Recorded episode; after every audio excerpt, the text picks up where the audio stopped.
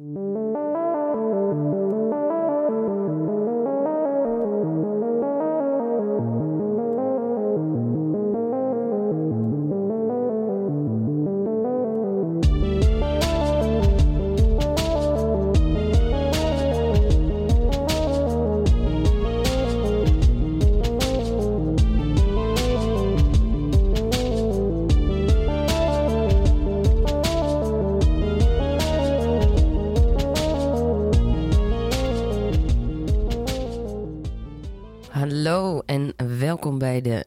zesde aflevering alweer van Lijf en Leden. De podcast waarin we het hebben over fysieke en mentale gezondheid.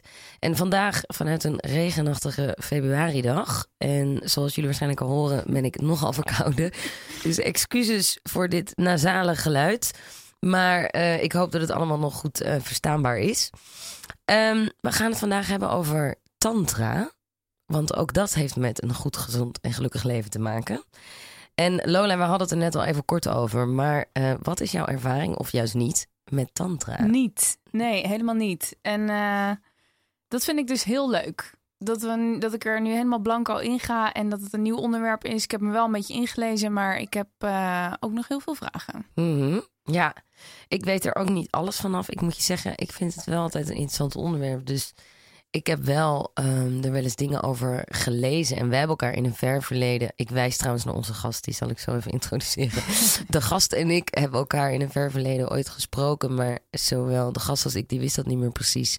Om een keer uh, een programmareeks te organiseren. Maar ik ben daar toen niet op doorgegaan. Dus ik heb ook nog heel veel vragen. Gelukkig. Gelukkig. Um, we gaan dat vandaag doen met Theo de Klein. Welkom. Hij, welkom in de studio. Dankjewel. Ja, Even kijken, mijn eerste vraag is dat veel mensen denken bij het horen van het woord tantra meteen aan seks. Klopt dat? Dat de mensen daaraan denken meteen. Is dat het, klopt ja, wel, dat klopt. Is eigenlijk maar klopt de dat vraag. de traditie heeft er eigenlijk heel weinig mee van doen. Dus vanuit de traditie, vanuit de grijze oudheid, heeft tantra eigenlijk heel weinig met seks van doen. Um, wat wel, denk ik, belangrijk is, is dat het, het tantra is een spirituele weg en het gaat seks en seksualiteit op geen enkele manier uit de weg. En dat is de meeste spirituele wegen en de meeste religies. Uh, die hebben daar andere kijk op. En op die manier is Tantra zo'n beetje 100 jaar geleden alweer in het Westen geïntroduceerd. En heeft het een, uh, altijd belangstelling gehad voor mensen die geïnteresseerd, geïnteresseerd zijn in seksualiteit en de ruimte daarin. Dus het is meer onderdeel van. Zeker, ja. Zijn alle andere spirituele stromingen, zeg maar, gaan seksualiteit wel uit de weg? Is dat wat je zegt? Uh, dat kan ik niet zeggen natuurlijk. Veelal wel. In ieder geval zou je kunnen zeggen dat in, in tantra daar uh, echt ruimte voor is. Ja. En als we nog heel eventjes uh, kunnen ingaan op het, op, uh, het niet-seksuele... of wat het ook meer is dan alleen dat het gaat over seksualiteit. Wat, is, wat is tantra dan? Um, ja, het is een spiritueel pad. Het is eigenlijk een levensvisie, zou ik zeggen.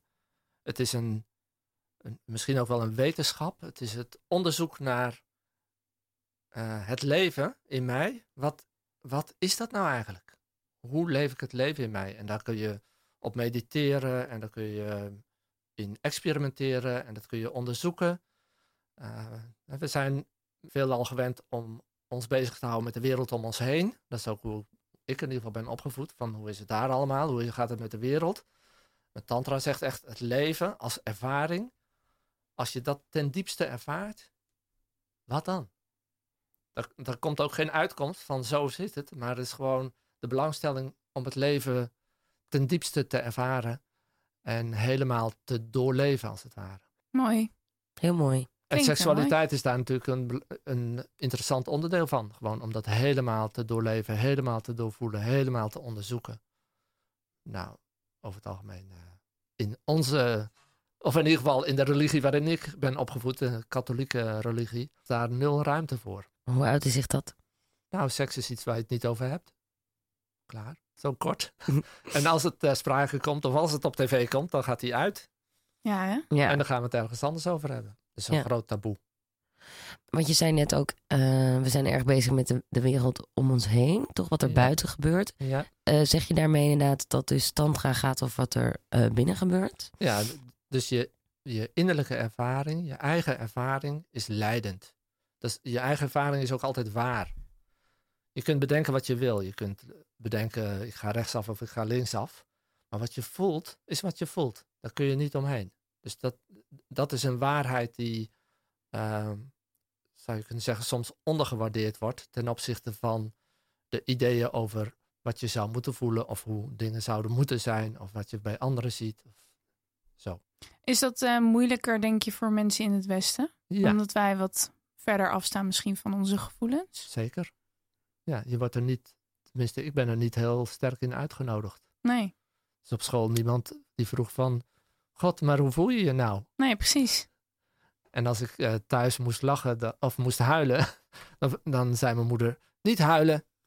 Klaar. Ja, ik denk dat dat nog steeds heel erg eh, leeft. Ja. Toch? Een beetje Ja. die insteek en die opvoeding in Nederland. Ja.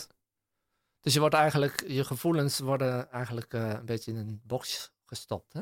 Je wordt gekaderd in Ja. wat er. En Wat beoordeeld dus ook een beetje inderdaad van beoordeeld. wat, wat goede of positieve Ja. gevoelens zijn en wat negatieve gevoelens zijn. En die oordelen komen, om te beginnen, als je heel jong bent, komen die oordelen van buitenaf. Maar wat we heel veel gewend zijn te doen, is die oordelen te internaliseren. En dan denk je dus dat als je huilt, als je verdriet voelt, dat er echt iets misgaat. Terwijl er gaat niks mis. Je voelt Ja. gewoon verdriet. Dus in tantra mag alles er zijn.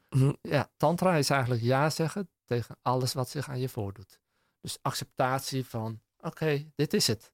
Want pas als je ja zegt van, eh, als je ja zegt tegen een gevoel, als je ja zegt tegen een ervaring, dan komt er iets van, hè, hè, oké, het mag Ja. er zijn. En dan kun je het onderzoeken. En als je zoiets hebt van, nee, ik wil niet boos zijn, of ik wil dit niet, of ik wil, oh help, en wat zullen anderen ervan denken, dan ben je helemaal daar bezig en ben je niet meer in je ervaring. Verkramping. Juist. Ja. Ja. zo klinkt het een beetje Ja, althans. we hebben het hier met Eline Sluis. Ja, het sluit heel erg aan inderdaad op onze... Is dat vorige? Nee, één aflevering daarvoor. Dus dat is ook heel leuk. Leuke koppeling. Ja. Eh, hoe doen we dat? Heeft, heeft Tantra daar een soort eh, een werkwijze over bedacht? Ehm, Het klinkt alsof het, ik bedoel, is er een manier om. om ja, is er een manier? Het Ja. gaat natuurlijk over eh bewustzijnontwikkeling. Dus dat je je bewustzijn ontwikkelt, eigenlijk dat je vertraagt en dat je luistert naar wat zich aandient van binnen, wat zich aandient aan gevoelens.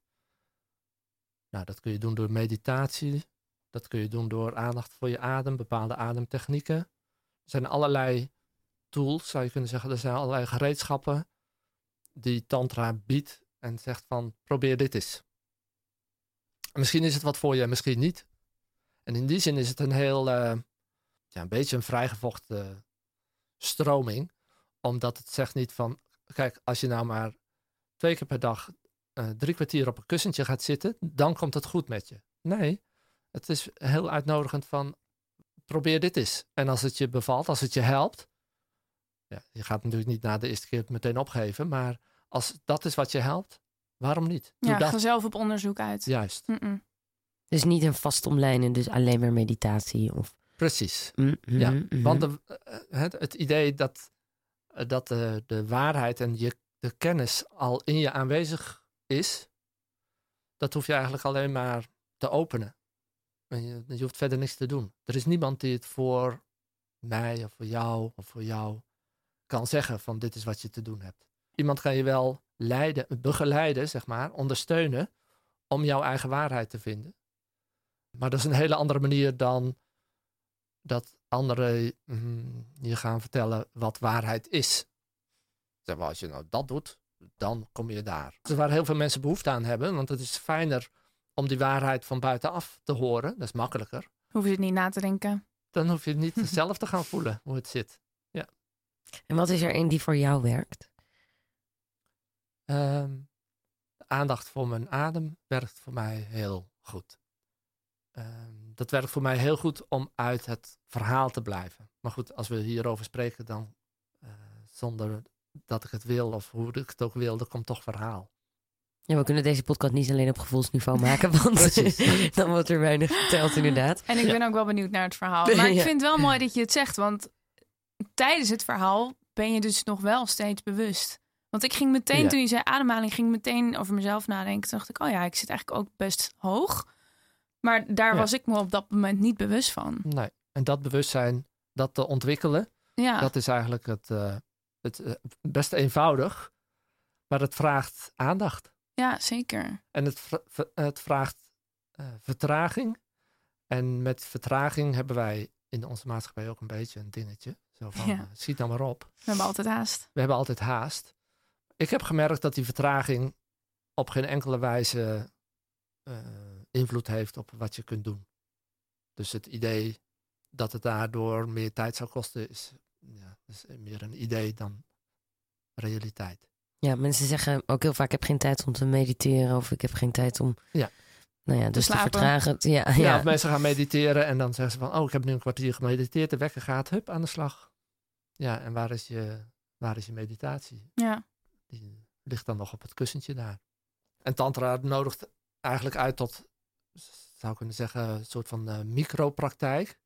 Dus die meditatie wil je in, eh, geïntegreerd hebben in je leven. En niet eh, dan weer wel en dan weer niet. Of dan een, cursus doen en dan ga ik weer mijn gewone leven doen. Dat is het idee niet. Het idee is dat het, het tantrisch gedachtegoed en, het, en die gevoelswereld, dat het steeds verder indaalt in je systeem. Dat je steeds beter gaat voelen in je lichaam en steeds beter bij jezelf bent. En op die manier onafhankelijker wordt van de wereld om je heen. Dus dat je niet als, als door het minste of het geringste uit het veld geslagen raakt. je maakt het onderdeel van je eigen leven. Juist. En mag ik vragen hoe je er zelf mee in aanraking bent gekomen? Eh, ja. Ik had van alles geprobeerd op eh, het gebied van bewustzijnswerk. En in 1996 of 98 kwam ik hier bij eh, het Centrum voor Tantra in Amsterdam terecht. En daar voelde ik me, mezelf meteen thuis. Om reden van dat niemand me ging vertellen wat ik te doen had. Nee. Want dat, daar heb ik een beetje allergie op. Dus dat, Ja, dat herken ik wel. een sterke allergie op. Ik had zoiets van, ja. Oh, heerlijk zeg. Ik mag hier Alles is open. alles mag er zijn, ja. Zegt- want ja zeggen tegen alles wat zich aan je voordoet, dat lijkt eenvoudig. En dat lijkt ook eh, dat dat gemakkelijk is. Maar dat is helemaal niet zo. Ja zeggen tegen alles wat zich aan je voordoet, is echt een oefening. Maar te zeggen, ja, ik zeg ja tegen alles wat zich aan je voordoet. En dus steekt een fietser voor je over. Verdomme. Heb je meteen zoiets van, oh, meteen zit je in een kramp, want er gaat bijna iets mis. En dan heb je weer, eh, eh, dan zou je tegen jezelf weer kunnen zeggen van, oh, wat reageer ik toch weer fel. Of wat reageer ik eh, pittig. Eh, om daar ook weer ja tegen te zeggen. Oh ja, zo doe ik dat. Ja, dus je komt ook heel veel van jezelf tegen. Je komt wat je misschien minder leuk vindt, maar waar je ook ja tegen moet kunnen zeggen. Ja. En ook ja, tegen het minder leuke. Ja, je kunt zeggen, dit is minder leuk. Goed, dit is minder leuk. Het is oké. Ja, dat En- is wat het is. En wat voor ander bewustzijnswerk? Je zei, ik heb ander bewustzijnswerk gedaan. Ehm, Ik ben wel nou ja, ik heb geprobeerd eh, te mediteren, dus stil te zitten op een kussentje. En dat was een soort van mindfulness, heb ik volgens mij geprobeerd. Ehm, ik kan me niet zo heel goed herinneren wat ik heb geprobeerd, maar dit was in ieder geval eh, helemaal ineens raak. Ja. Mhm. Ja.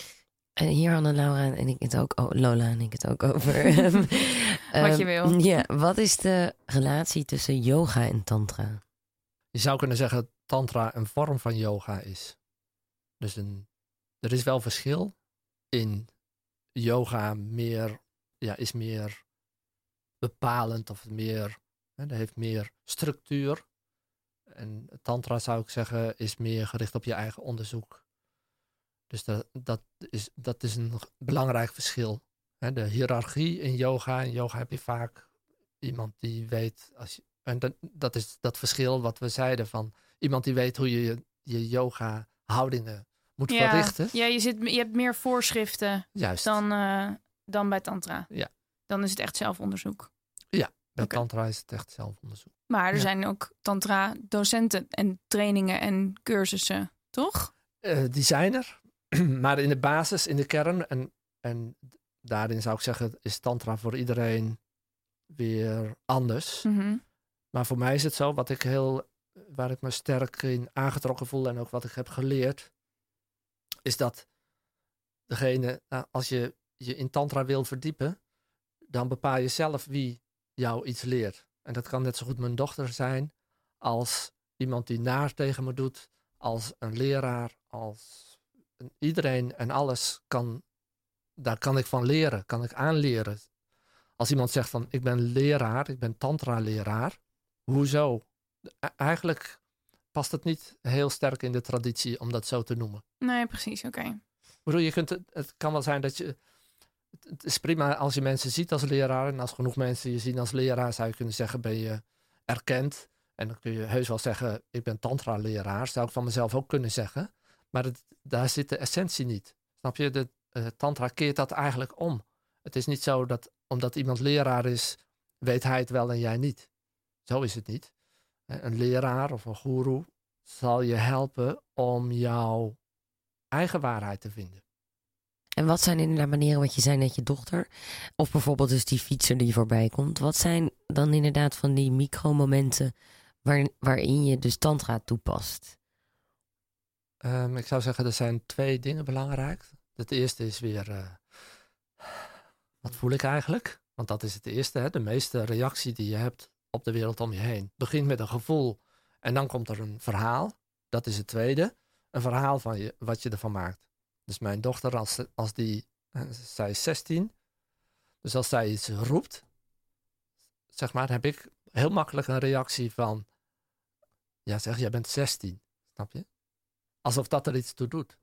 Terwijl als ik echt naar haar luister en luister naar waar zij is, dan kan ik zeggen: Oké, waar gaat het over? Dan ga ik haar eerder bevragen en gaat het me eerder boeien dan dat ik meteen terugkom met een oordeel. Een, een eh, meisje van 16 eh, geeft veel aanleiding tot oordeel. kan Ik je ga het zeggen. allemaal meemaken. ik luister heel aandachtig. Nou, je bent zelf ook 16 geweest, denk ik dan, of niet? Ja, ja, ja, zeker. Mijn arme ouders. maar goed, die hadden, het- die hadden misschien een tantrische manier van benaderen kunnen proberen bij mij. Ik kan me wel voorstellen dat het, eh, precies wat je zegt, eigenlijk door je bewust te worden van de situatie en even de rust te nemen om het op een andere manier te benaderen, laat je bepaalde patronen los. Ja. Bijvoorbeeld het, het ouder-kind-patroon of die verdeling, waardoor je waarschijnlijk in heel andere situaties met elkaar komt. Klopt. Ja. Ja, dat vind ik wel heel interessant. Dan kom je op een ander niveau. En dan wordt zij ook serieus genomen. Zeker. Ik neem dit mee hoor. Ja, nee, zeker. Dus, eh, dus in, de, in de opvoeding is het belangrijk. En, en bijvoorbeeld net, eh, dat is dan misschien een klein dingetje, maar Lola en ik die stapten net uit de tram inderdaad. En het is dus echt aan het hozen en aan het waaien. Ja, nou, wij hadden al, ja, boeken weer. in de, al weken ook. En wij hadden toen allebei, nou ja, een nogal negatieve reactie. Ja. Een verkramping mag ja, zeggen. mag ik wel zeggen. Zeg maar, eh, en ik ben me daar dan wel zeker bewust van. En ik moet je ook zeggen, dit is natuurlijk een, een klein probleem. Maar hoe kan ik dat dan meer tantrisch aanpakken? Ja, tantrisch aanpakken. Nou, het is interessant wat er gebeurt. Dus je stapt de, de, de tram uit en je, die wind, die, die, eh Ja, die giert je. om je hoofd, die neemt je mee. Dat is oneerlijk, Wat is een, het. wat een geweldige ervaring is dat.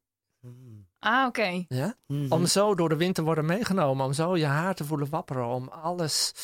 Je moet alles in het werk stellen om overeind te blijven. Dat is een andere manier van er naar kijken natuurlijk. Ik heb ook het gevoel dat het heel erg samenhangt met mentale weerbaarheid creëren. Klopt dat? Nou, weerbaarheid zou ik niet zeggen. Het is meer dat je gaat zien, gaat ervaren hoe je mentale, hoe je brein als het ware geprogrammeerd is om met zo'n ervaring aan de haal te gaan. Dus je stapt die tram uit, het waait om je oren en je zegt pokken. Wat een pokken weer. Ja. Terwijl, als je het voelt, als je echt die wind voelt, dan voel je gewoon de wind en de regen. En hoe is dat om te voelen? Daar sta je helemaal niet bij stil, want eh, je brein heeft al lang overgenomen en bepaalt dat het eh, eh, pokken Ja, weer is. Dus het dat is is een inderdaad. routine waar je in zit. Regen Dus het is meer je gevoel, je brein laten inhalen.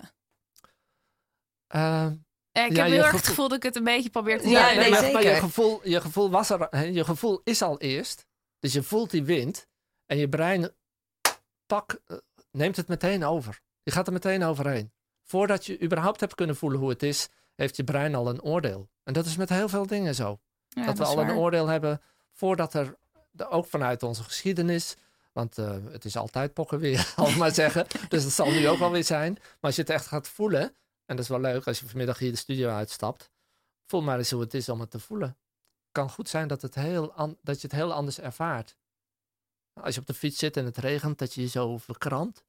Wat gebeurt er als je ontspant en het gewoon toelaat? Ja zegt tegen de regen en tegen de wind. Ik ga het meteen proberen Ja. zo meteen. Ja, ik vind het een hele interessante. Volgens mij is het ook heel krachtig. Want ik denk, het heeft ook met ongemak te maken, denk ik. Ja, Het, en we hebben het hier, oh, niet dat we het heet willen terugreiken, maar we hebben met Eline Sluis hier ook kort over gehad. Dat het, het is natuurlijk veel makkelijker om ja te zeggen tegen de leuke ervaringen, die Ja. omarmen we, dan tegen de negatieve ervaringen. Dus op kleine schaal een regenbui en op grote schaal, nou, een, ruzie met een geliefde, ik noem maar Ja. iets.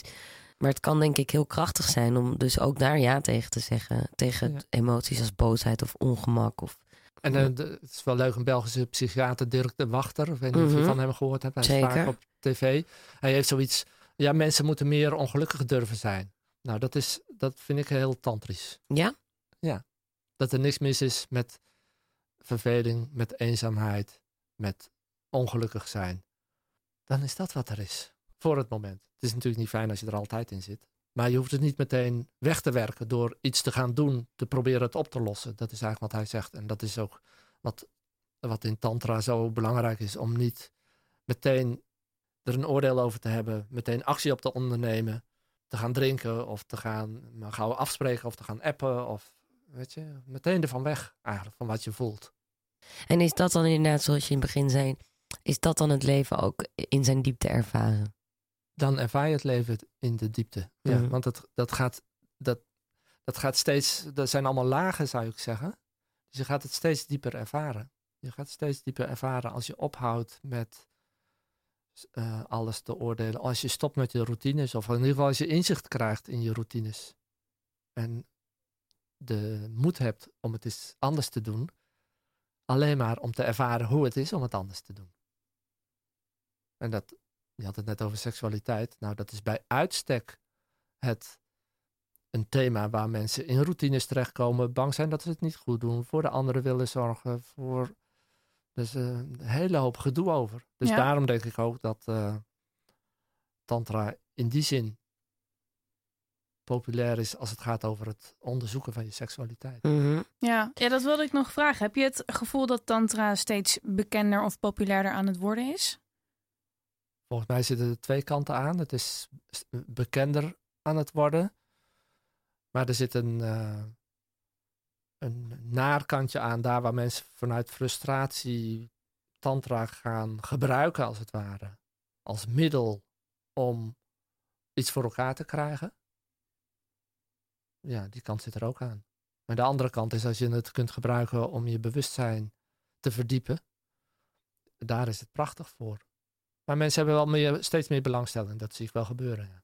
En wat bedoel je als middel om iets te gebruiken? Dat het zeg maar wordt ingezet om carrière te maken of zo? Ik noem maar Nou, iets. dat, wordt inge- ja, dat wordt ingezet om eh, eh, leuk een, eh, om werk van te maken. Dat het inge- ingezet wordt als om seks te organiseren of vrij te doen, zeg maar. Om dus te zeggen van ja, maar ik ben tantrisch, dus alles kan en mag en alles is goed.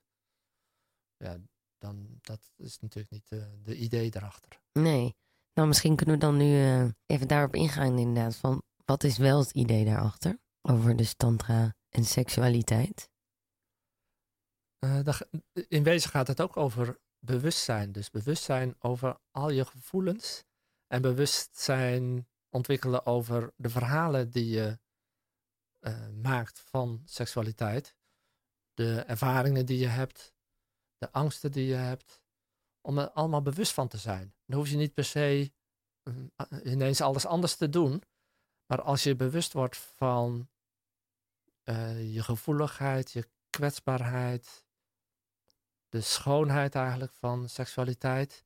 En je vertraagt, dat is eigenlijk de stap 1. Vertraag, vertraag, vertraag. En mag alles, kun je ja blijven zeggen tegen alles wat zich aan je voordoet. Dus als je vriendje met je wil vrijen, durf je dan te zeggen: eh, Ho, ho, eh, ik heb even, ja, ik moet even voelen of het klopt nu. Voelen of het klopt, ja of nee. Snap je? En we, dat zit er meteen erbovenop. Nou, dat is denk ik meteen een heel belangrijk onderwerp wat we hier aansnijden. Want ik denk dat seksualiteit voor vrouwen natuurlijk heel anders is dan voor mannen. Ja, En dat dat ook heel veel met denkpatronen te maken heeft die wij opgelegd krijgen Mhm. vanaf jonge leeftijd. Mhm. ja en seksualiteit of seks wordt pas mooi als, als dat verschil qua idee tussen man en vrouw niet meer zo groot is. Precies. Als je daar meer op, op één lijn bent. Niet energetisch bedoel ik niet, maar dat je meer dat je echt ruimte hebt voor elkaar. Dat, dat je echt eh, voelt van wat voel ik. En als ik een verlangen heb en het wordt niet vervuld, kan ik zijn met een verlangen wat niet wordt vervuld. Als, hè, als jij iets voelt, kan ik jou dat echt laten voelen en kan ik daarbij blijven. Of moet ik zo nodig iets regelen? Of moet er iets gebeuren? Mhm. ja, veel mannen zijn toch gericht op een soort van hoogtepunt te behalen. Misschien niet bewust, maar onbewust is dat toch een drive. En dat is ook een, je zou kunnen zeggen, ergens is dat ook een natuurlijke drive. Maar het is interessant om te onderzoeken of dat wel echt passend is. En heel, ja, steeds meer mannen gelukkig gaan daarin onderzoeken. Wat gebeurt er als ik niet naar dat hoogtepunt ga? Maar wat gebeurt er als ik eerst eens als, als ik echt alle tijd neem om te onderzoeken wat ik nou eigenlijk voel als ik met je vrij. Wat Ja. voel ik?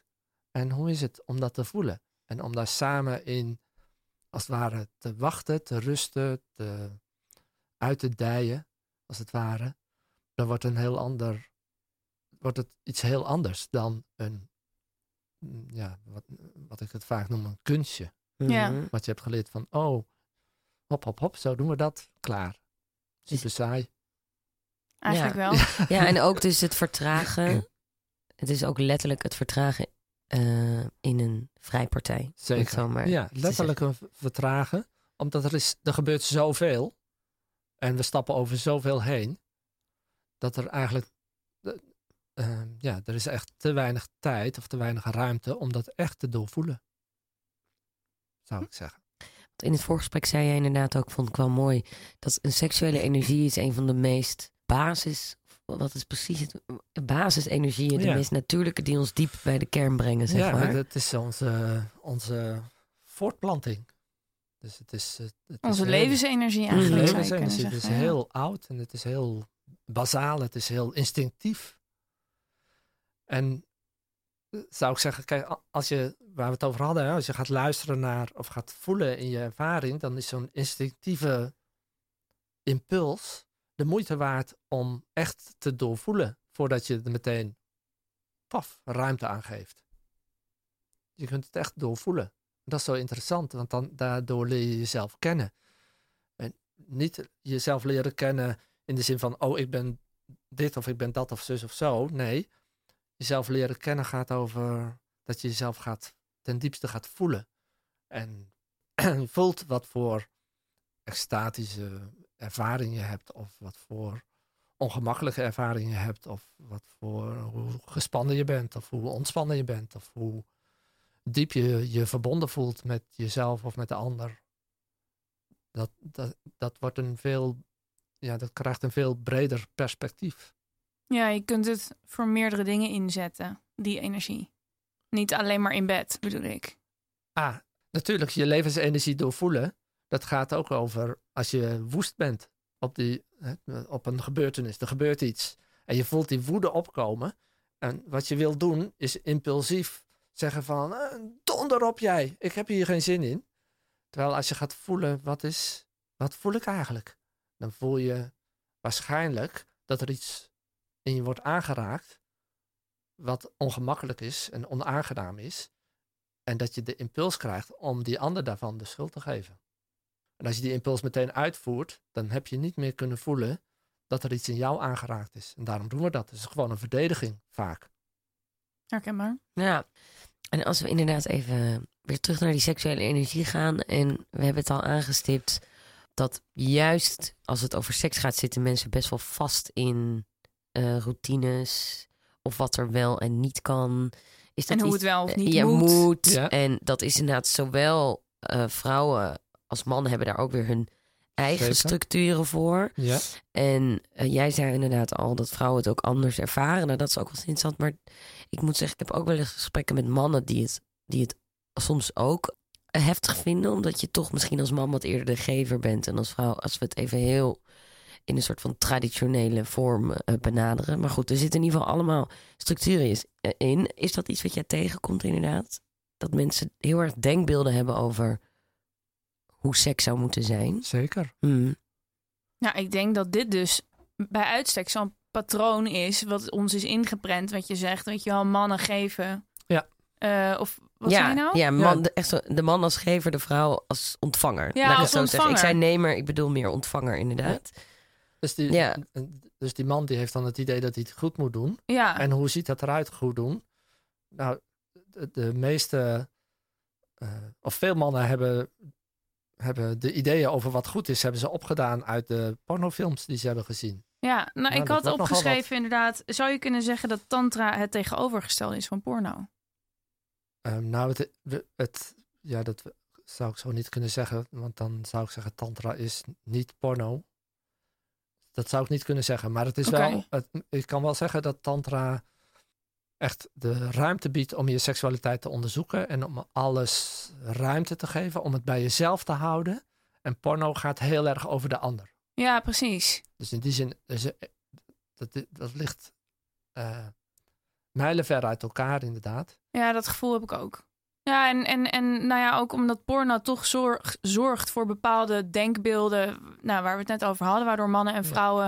Bepaalde patronen eh, of bepaalde beelden in hun hoofd gedrukt krijgen van zo zou het moeten, Ja. zo ziet het eruit. Maar- Dit is de rol van de man, dit is de rol van de vrouw. Het is natuurlijk niet alleen porno, hè. het is ook de opvoeding. Het is hoe we in, op school meiden onder elkaar, jongens onder elkaar, Ja. wat stoer is. Dus het is een heel, heel, eh, Heel complex systeem. een heel complex systeem waar je je ideeën over seksualiteit, je hebt misschien nare ervaringen gehad in je jeugd die allemaal meespelen en, en die belangrijk zijn om, als, je, als je nare ervaringen hebt gehad, kun je dat dan inbrengen in een seksuele relatie. Dat is nogal wat, om Ja. dat te durven. Maar het is heel behulpzaam om het, om het in te brengen. Zeker als er iemand is die je begrijpt.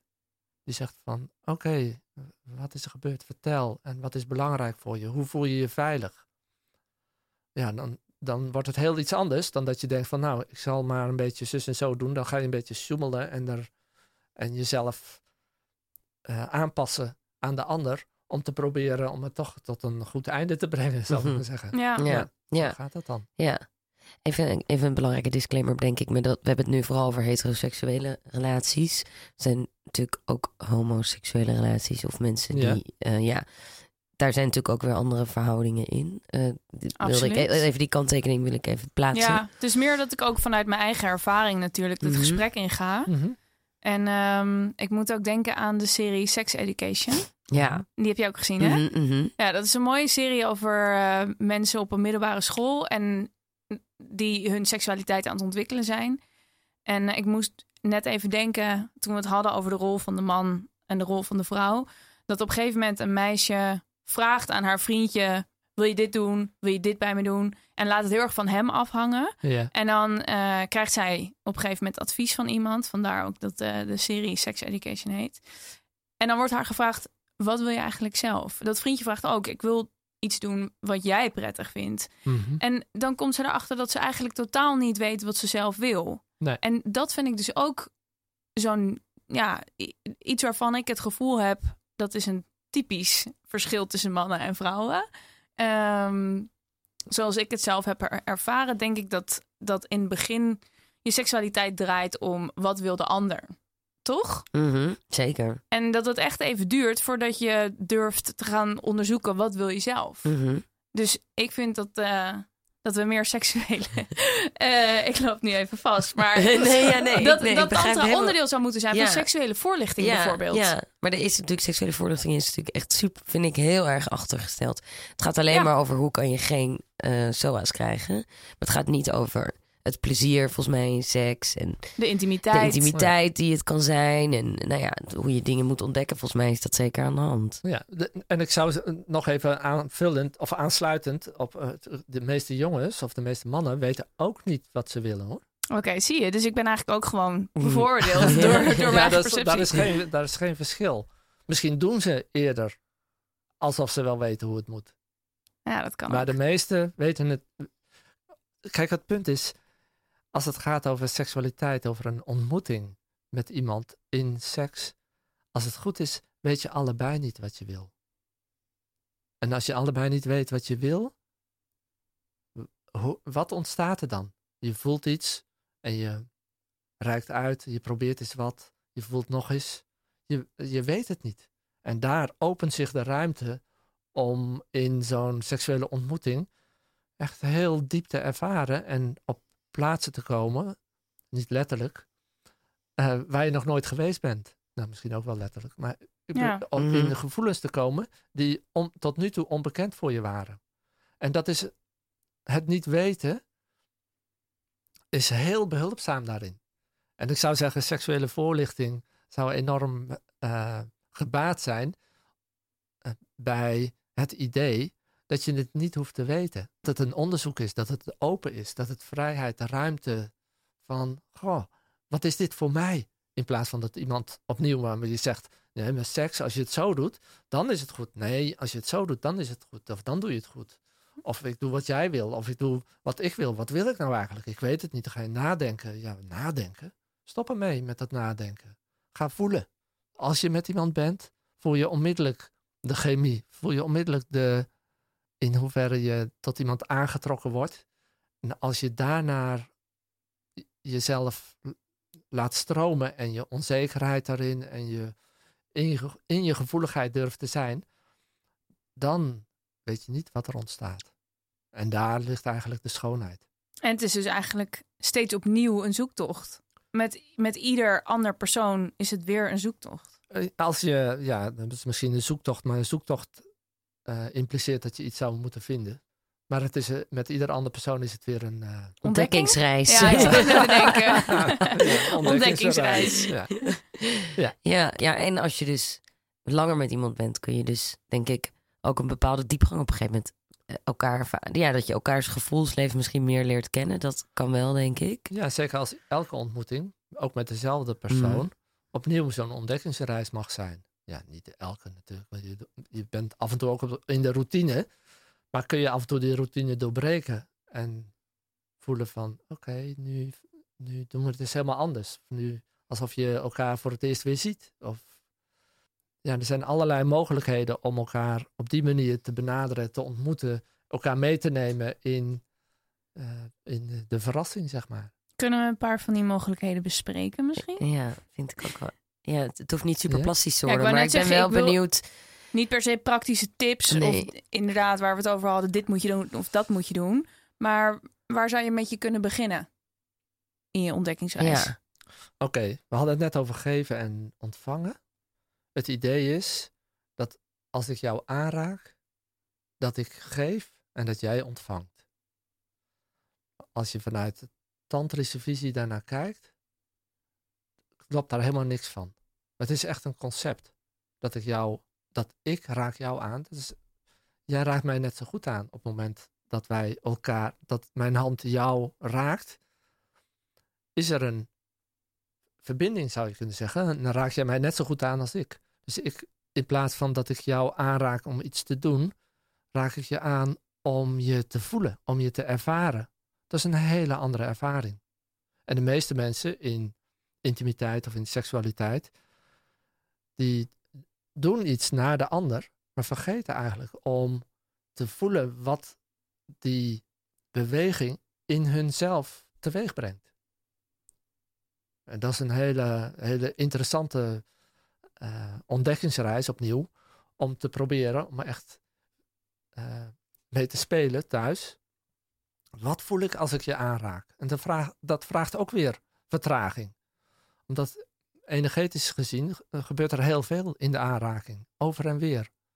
Er bestaat helemaal niet, in energie bestaat er niet zoiets als geven en ontvangen. Het is, het, het beweegt. Het is een, het is, je kunt niet eens zeggen het is een uitwisseling, het beweegt gewoon. Je kunt het heel goed voelen als je iemand aanraakt en dan iemand anders aanraakt. Het is verschillend. Het voelt verschillend. Het voelt verschillend in in chemie, in ervaring. En daar gaat het over. En dat zit hem niet in die. Ja, dat is wel wat die twee personen in je teweeg brengen. Maar de, het verschil in ervaring is in mij. Als ik twee verschillende mensen aanraak. Snap je? Dat, Ja, zeker. dat is, dit is een heel praktisch voorbeeld van hoe je bijvoorbeeld je partner kunt aanraken op een manier die onderzoekend is van wat voel ik aan jou, wat ervaar ik aan de aanraking aan jou. En dan, dan we denken vaak van, oh dat is saai, want ik doe niks. Nou, probeer het maar. Kijk maar wat er gebeurt als je gewoon met je aandacht, ik zal maar zeggen, je legt de hand op het eh, geslacht van, de, van je partner en je voelt, voelt, voelt. Je laat je hand gewoon stil liggen en je wacht en je voelt en je voelt hoe, wat het door je hand, door je arm, hoe het in je lichaam, wat het teweeg brengt. Echt, dat is een heel leuk, ja, interessant onderzoek. En niemand Nee. kan je vertellen wat het teweeg brengt, omdat het voor iedereen verschillend is. Dus daar zit de, de mystiek, zou je kunnen zeggen. Daar zit het mysterie. En dat is het mysterie van het leven, in wezen. Het mysterie van het leven gaat over niet weten. Het gaat over ervaren, ervaren en nog eens ervaren. En het is, ieder moment is nieuw. En de mind, daarentegen, die wil eigenlijk ieder moment georganiseerd. Oh ja, nu doe ik dit, nu doe ik dat. Nu ga ik seks hebben, nu ben ik klaargekomen en dan ga ik eh, slapen. En nu dit en nu dat. En blablabla. Ja, verloren ben je. Nou, niet verloren, maar dat is een hele andere insteek, zeg maar. Een, andere manier van leven. Dus er zit inderdaad geen hiërarchie in die, eh, in die twee aanrakingen, zeg maar. Daar zit geen hiërarchie in. En in die zin is, dat zou je kunnen zeggen, vind ik altijd eh, tantra behoorlijk, eh, nou ja, niet hiërarchie. Holistisch? Ja, Nee, misschien? dat- nee, Het is of anarchistisch, ehm, zou ik ja, zeggen. Ja, ja, Ah, het is behoorlijk anarchistisch, want dat heeft niet, eh, wij zijn zo gewend dat iemand het weet of iemand het voor je weet. Maar anarchisme, dan is het echt jezelf, je, je bent zelf verantwoordelijk. Je, je voelt zelf hoe en wat. Ja, en alles ligt nog open. En alles ligt open. Alles ligt altijd open. En als iemand iets doet en het, en het bevalt je niet, dan brengt dat in mij iets teweeg. Die ander doet niks verkeerd, want ik kan ook iets doen wat een ander niet bevalt. Dus eh, je gaat heel anders in het leven, eh, je gaat anders met het leven om. Omdat je meer ruimte krijgt voor wat er om je heen gebeurt. In plaats van overal van iedereen iets te vinden en daarmee ook eh, misschien op voorhand al iets van jezelf te vinden. Ja, meer Ja. tijd om te voelen, Ja. minder om te denken. Ja. Ja. En ik denk wel dat eh, misschien de reden waarom mensen dit niet doen, of dat wil ik niet zeggen, maar waarom sommige mensen het misschien doen, ik denk ook dat het best wel eng is. Ja? Is het eng, want is het is misschien heel intiem en het is een hele, hele kwetsbare energie. Ja. En hoe. dat eh, is, het is heel gevoelig. mhm. En in de, op een bepaalde manier is het kwetsbaar. En het wordt kwetsbaar op het moment dat je er niet op kunt vertrouwen dat alles er mag zijn. Dan wordt het kwetsbaar. Dus dan wordt het kwetsbaar als je, en dat ken ik goed, de, de angst dat iemand anders iets van mij vindt. Terwijl je zou kunnen zeggen, ja, wat is daar mis mee? Maar toch ben ik daar bang voor op een bepaalde manier. En het is interessant om te kijken, wat heb ik daar zelf mee? Ben ik zelf, eh, wat is mijn eigen oordeel over mijn beweging? En ben ik daar ook bang voor? Nou, misschien ook wel. Maar dat onderzoek naar, naar je eigen angsten hè, en de angsten voor je eigen mindfuck, zal ik maar zeggen, is gewoon heel interessant. Ja, heel interessant. Ja, En op het moment dat je helemaal oké bent met jezelf, ja, de mensen kunnen zeggen wat je wil, dan ben je daar gewoon niet gevoelig voor. Ja, dat is een heel hardnekkig iets, hè? Dat is heel hardnekkig. Ja. Om, eh, ja, om je eigen kwetsbaarheid te overkomen. nou, denk of dat dat om hem dan- gewoon de- te laten zijn, hè, om kwetsbaar en gevoelig te mogen zijn, Dat is het meer, ja. maar niet onderuit te gaan van als je daarin wordt aangeraakt. Maar gewoon te voelen van, oh, nou, dat is pijnlijk dat je dat zegt. En dan de pijn te voelen en kwetsbaar te blijven. In plaats van wij leren om oh, niet te kwetsbaar op te stellen of niet te veel te laten zien of voorzichtig of terughoudend Precies. eigenlijk. Dat is jammer natuurlijk. ja, maar dan vind ik dus inderdaad eh, seks en seksualiteit is dus denk ik ook een hele mooie oefening om die kwetsbaarheid toe te laten. Zeker, Toch? zeker. Want je bent echt super kwetsbaar. Ten eerste ben je letterlijk. Meestal ben je in je blootje. Letterlijk en figuurlijk naakt. ja, letterlijk en Ja. figuurlijk naakt. En als je, denk ik, op die manier met met die energie en die kwetsbaarheid kan omgaan, dan is het misschien op andere vlakken in je leven. Ja, kun je dat ook inzetten? Of is het misschien makkelijker om, om Ja, dan. kan je die kwetsbaarheid ook overkomen misschien? Ja. ja. Ja, dat Of geldt over accepteren en weer. En dat, ge- ja, dat, dat geldt twee kanten op natuurlijk. Ja. Kijk, wij hebben een beetje de neiging om in onze, in onze cultuur is eh, seksueel zijn of seks is een apart hoofdstuk. Dus seks, dat ga je doen en dan, eh, eh, dan is het klaar en dan ga je weer verder met, aan de orde van de dag. Met het niet Ja, je seks. koppelt het ja, Ja, precies. ja, ja. Ja, Maar je koppelt het los van allemaal andere aspecten in je leven En eigenlijk. dan is er ineens, mensen gaan dan ook ineens veranderen en het wordt ineens, alles wordt anders. Terwijl in de ideale wereld, zou ik zeggen, of in, ide- in je ideale binnenwereld, is eh, ja, eh, seksualiteit of seks staat niet los van wie je bent. Dat is gewoon één geheel. En het is meer losgekoppeld door al die oordelen en ideeën die we erover hebben en wat wel mag en niet mag. En, dat, dat maakt dat we het los hebben gemaakt. Ja, we maken het onszelf vrij moeilijk eigenlijk als het Mhm. over seks gaat. Ja, zeker. Ja. Ik denk ook dat het veiliger is om het af te bakenen. Lijkt. Ja. Ja, ja een soort schijnveiligheid. Van, Ja. Oké, nu eh, doen we het licht uit en dan nu is het sekstijd of zo. En dan daarna snel weer einde of zo. Ja. Mhm. Ehm, Ja, in plaats van dat je het als onderdeel opneemt in je leven. En dat Ja. het er eigenlijk op ieder moment mag zijn. ja, of dat er ook seksuele energie kan zijn, denk ik, zonder dat je daadwerkelijk de praktijk van Precies. seks gaat Ja. beoefenen. Mm-mm. Maar dat je denkt, oh ja, er is nu een seksuele energie. Of die voel ik alleen. Of met iemand anders. Maar ik, dat mag er ook allemaal zijn. Ja, dat, dus dat je gewoon kan zeggen van, eh, oh, ik voel, me, ik, kom, ja, ik voel me helemaal in mijn opwinding geraken. En dat de ander kan zeggen, ja, wat fijn. Punt. In plaats van, eh, nou, moet je nou alweer? Of, eh, of kom, la- eindelijk mijn kans. Snap je? Dus dat dat, dat gewoon meer gewoon wordt. Dat je, ja, net zo goed als dat, dat seks niet is van, oh ja, dat is een begin en een eindpunt. Een soort van routine van, dat begint met de aanraking en met voorspel en dan de, de hoofdmaaltijd, zal ik maar zeggen, en het toetje. Hoezo? Kun je niet gewoon een begin maken, zal ik zeggen, in die aanraking gaan en ook weer, ga je weer verder. Dus het, het wordt vaak heel krampachtig. Mhm. Ja, van, oh, er moet iets, er wordt iets van me verwacht. Maar kun je gewoon afwachten hoe het gaat. Dat je misschien aan die heerlijke knuffel en denkt van, oh, dit was helemaal goed. Ik ga nu even wandelen. Ja. Waarom niet? Is dat ook wat je merkt als jij eh, met mensen over tantra praat? Of ik weet niet of je mensen helpt met seksuele problemen, maar dat het dus vaak gaat om druk die mensen voelen?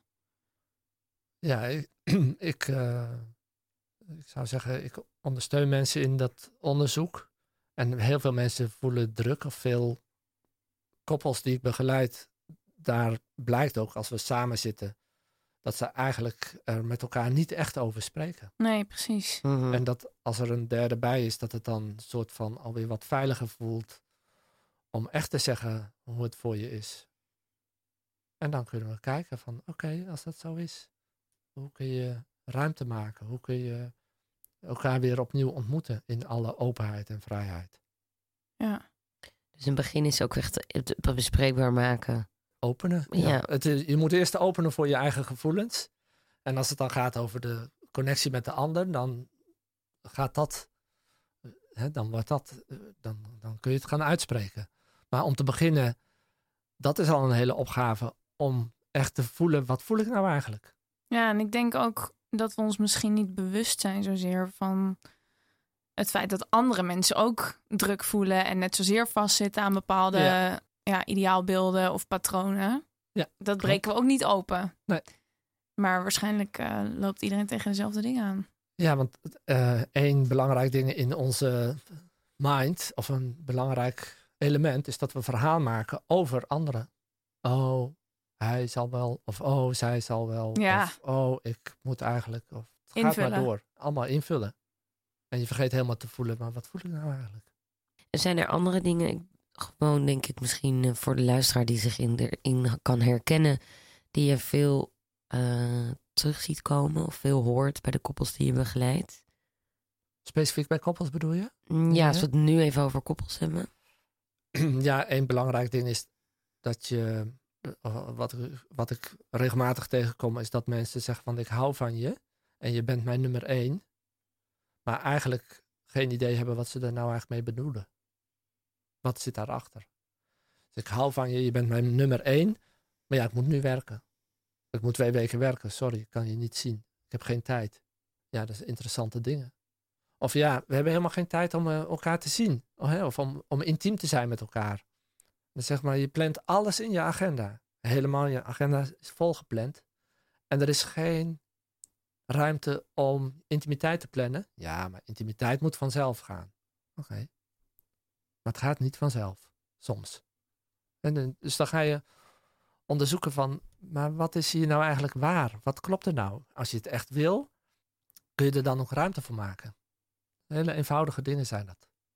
Waar we vaak in routines geraakt zijn van, oh ja, maar werk, jij bent mijn nummer één, maar werk gaat voor. Dus je bent nummer twee eigenlijk. Hè? Dat is het. Ja. Dus daar, daar is, dat is te onderzoeken waard. Hoe doe je dat? Als je in een relatie zit en als je al langere tijd in een relatie zit, in welke routines ben je terechtgekomen en wat laat je, wat laat je daarin liggen? Ja, daar ben ik dus ook wel benieuwd naar. Ik, ik heb nu iets meer dan drie jaar een relatie. Ja. En eh, tot nu toe gaat het allemaal heel erg organisch en goed. Maar mijn ouders die eh, zijn heel lang bij elkaar ge- geweest. En die komen natuurlijk ook weer uit een andere eh, tijd. Dus ik denk dat ik ook wel weer op zoek ben naar, naar andere dingen. Maar ik vraag me dus wel heel erg af hoe zal dat ook zijn in de toekomst? Wat kan je daar zelf mee doen? En hoe kan je inderdaad op onderzoek uitgaan om ja, bepaalde gevoelens in stand te houden misschien wel? Ik zou zeggen dat het eh, heel behulpzaam is in relatie om onderscheid te blijven maken tussen liefde, relatie en seks. Oké.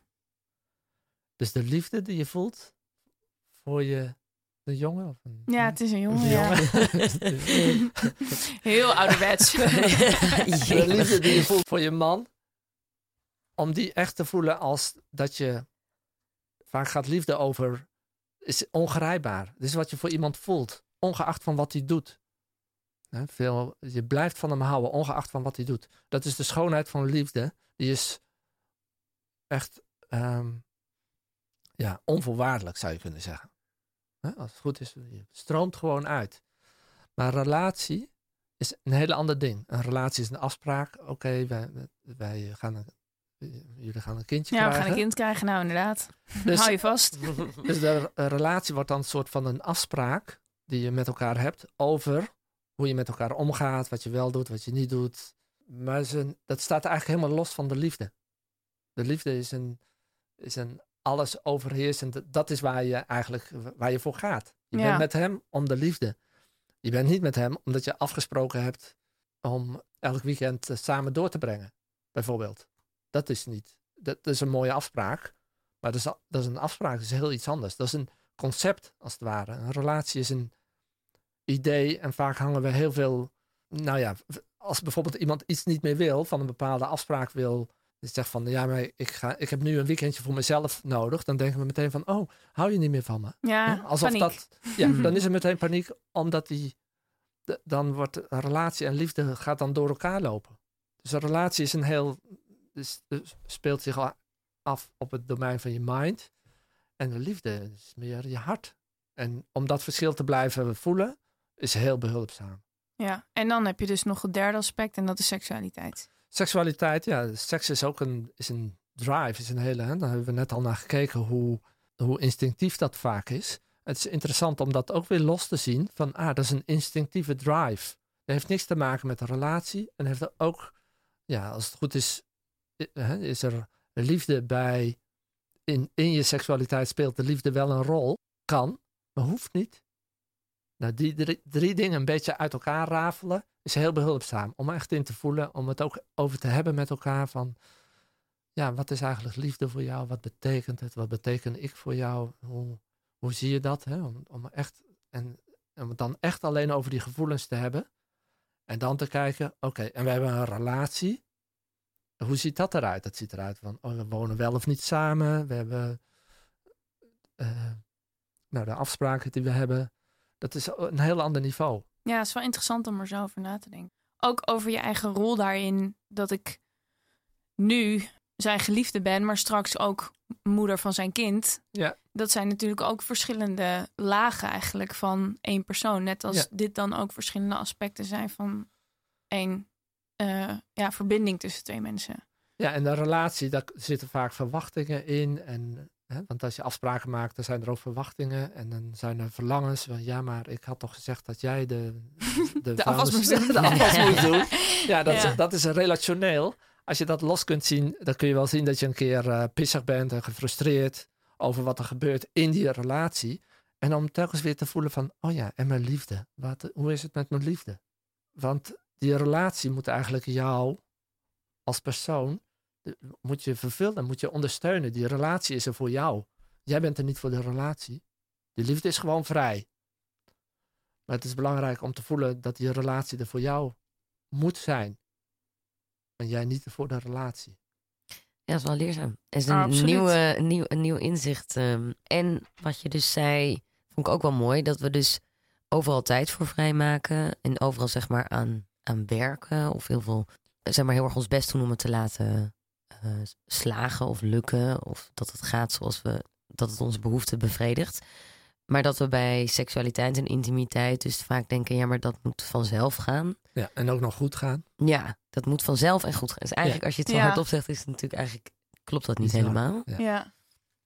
En, en dat zeg je dus ook. En dit, eh, dat je daar dus ook aandacht aan moet besteden. En wellicht dus gewoon misschien ook met je partner kunt afspreken van, ehm, nou, maar hoe ga, is dat dan bijvoorbeeld? Gaan we even gewoon een paar uur vrijmaken voor elkaar en kijken welke intimiteit er ontstaat? Ja, ik zou zeggen, begin maar eens met een halve dag. ja, ja. ja. Ja, waarom Ja. niet? ja. Ja, en dat voelt misschien in het begin heel ongemakkelijk. Van wat moeten we dan al die tijd doen? En dat is het punt. Ik zou niks. zeggen, Nee. doe, je, doe niks. Hoe is het om te stoppen met je best doen? Hoe is het om gewoon samen te zijn? Hè, er zijn niet zoveel koppels die gewoon met elkaar kunnen zitten. Zonder dat het tv is of zonder afleiding. En gewoon dat je met elkaar bent en stil met elkaar bent. Dat is echt een, een uitdaging. Ja. Maar als je daar echt in op je gemak gaat zijn, of in ieder geval, je, eh, je kunt beginnen met je uit te spreken over het ongemak, waarin je je verkeert. Van, en als je dan naar elkaar luistert, dus de een spreekt alleen en de ander luistert alleen. Oké, wat is je ongemak? Vertel. Nou, als je echt uit de doeken kan doen wat je ongemak is, ja, ik heb toch het gevoel dat ik iets moet doen, of dat het saai wordt, of eh, wat hebben we nou? Nou, je zal merken dat er vanzelf allerlei gevoelens verwoord gaan worden die het super interessant maken. En, en die, die je weer nieuwsgierig maken naar de ander. En dat, daar gaat het over. Daar gaat de liefde over. De nieuwsgierigheid en de, en de, de ander willen leren kennen. Ja. En door de ander te leren kennen, jezelf weer te leren kennen, dieper. ja, ik moet als ik even nog een kleine persoonlijke ervaring mag delen. Nou ja. Doe maar. ja. nou, waar ik aan moet denken is dat ehm, ik heb eh, afgelopen jaar een half jaar met mijn vriend op Bali gewoond. En eh, van tevoren was ik een beetje bang, omdat ik dacht, in Nederland hebben wij ook allebei heel erg ons eigen leven, wat ik heel erg waardeer, want ik hecht ook veel waarde aan mijn eigen vrijheid en aan mijn eigen onafhankelijkheid. En hoe zal het zijn als je straks 24 uur per dag bij elkaar bent? Ja. En eigenlijk heeft onze relatie daardoor juist zo'n verdieping gekregen, omdat er minder afleiding was. Eh, als je inderdaad ook intieme momenten zoals met elkaar eten, dat vind ik dat is ook al iets waar je ja, tegenover elkaar zit. In Nederland heb je misschien eerder afleiding van een tv die aanstaat of wat dan ook. Maar omdat je echt heel erg gericht bent op elkaar, Mhm. Werd die intimiteit ook veel groter. Ja. Ik merk eigenlijk dat dat, dat dat verschil in Nederland, als je dan weer terug bent, dan verval je dus natuurlijk ook weer automatisch een beetje in je oude patronen.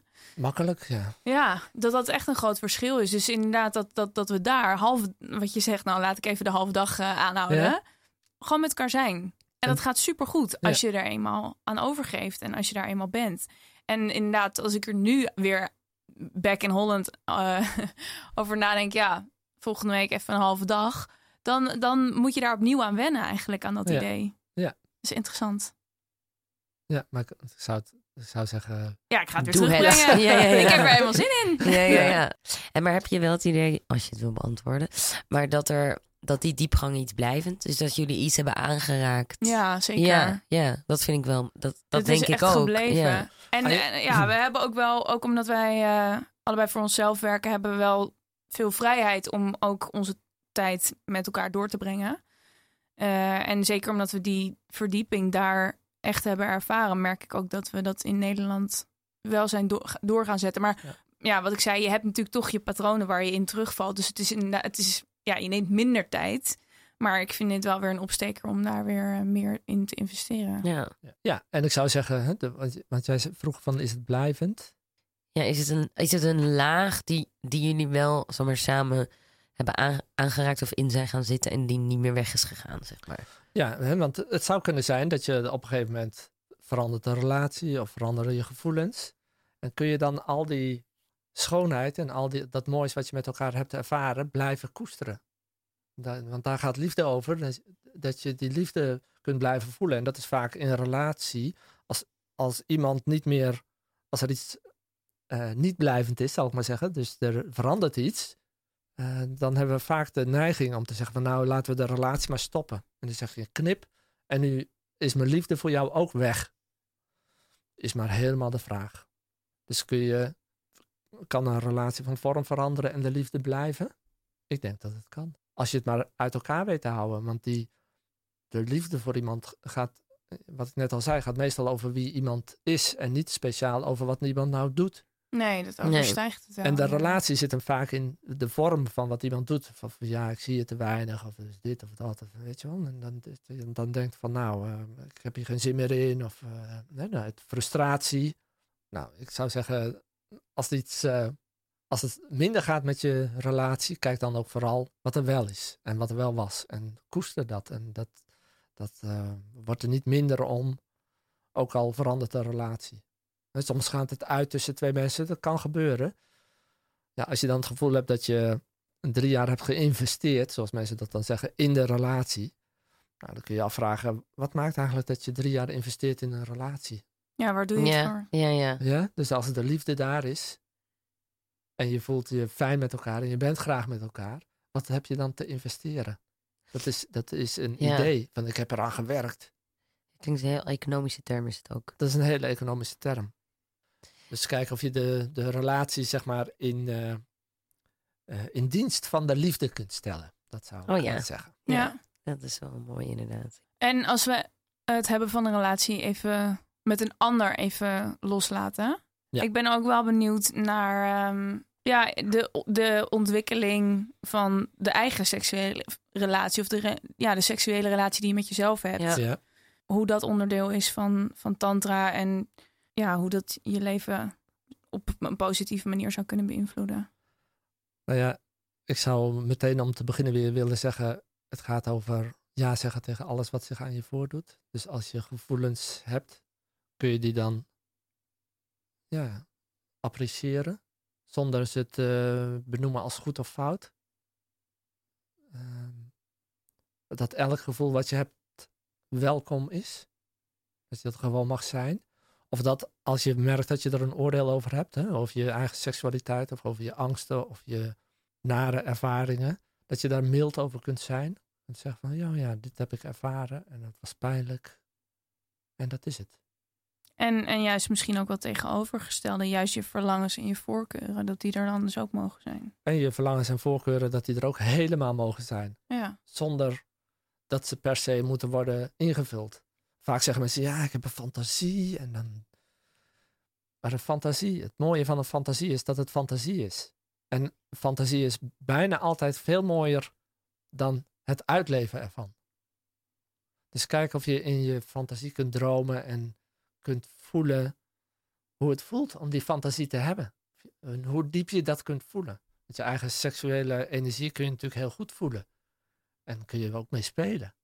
Dat is gewoon, en hoeveel ruimte kun je daar voor jezelf in maken? Zonder jezelf te oordelen daarop. Ook wel misschien fijn dat je een halve dag per week inplant voor jezelf. Ook een goed Nou, idee. bijvoorbeeld. Als je geen, pa- ja.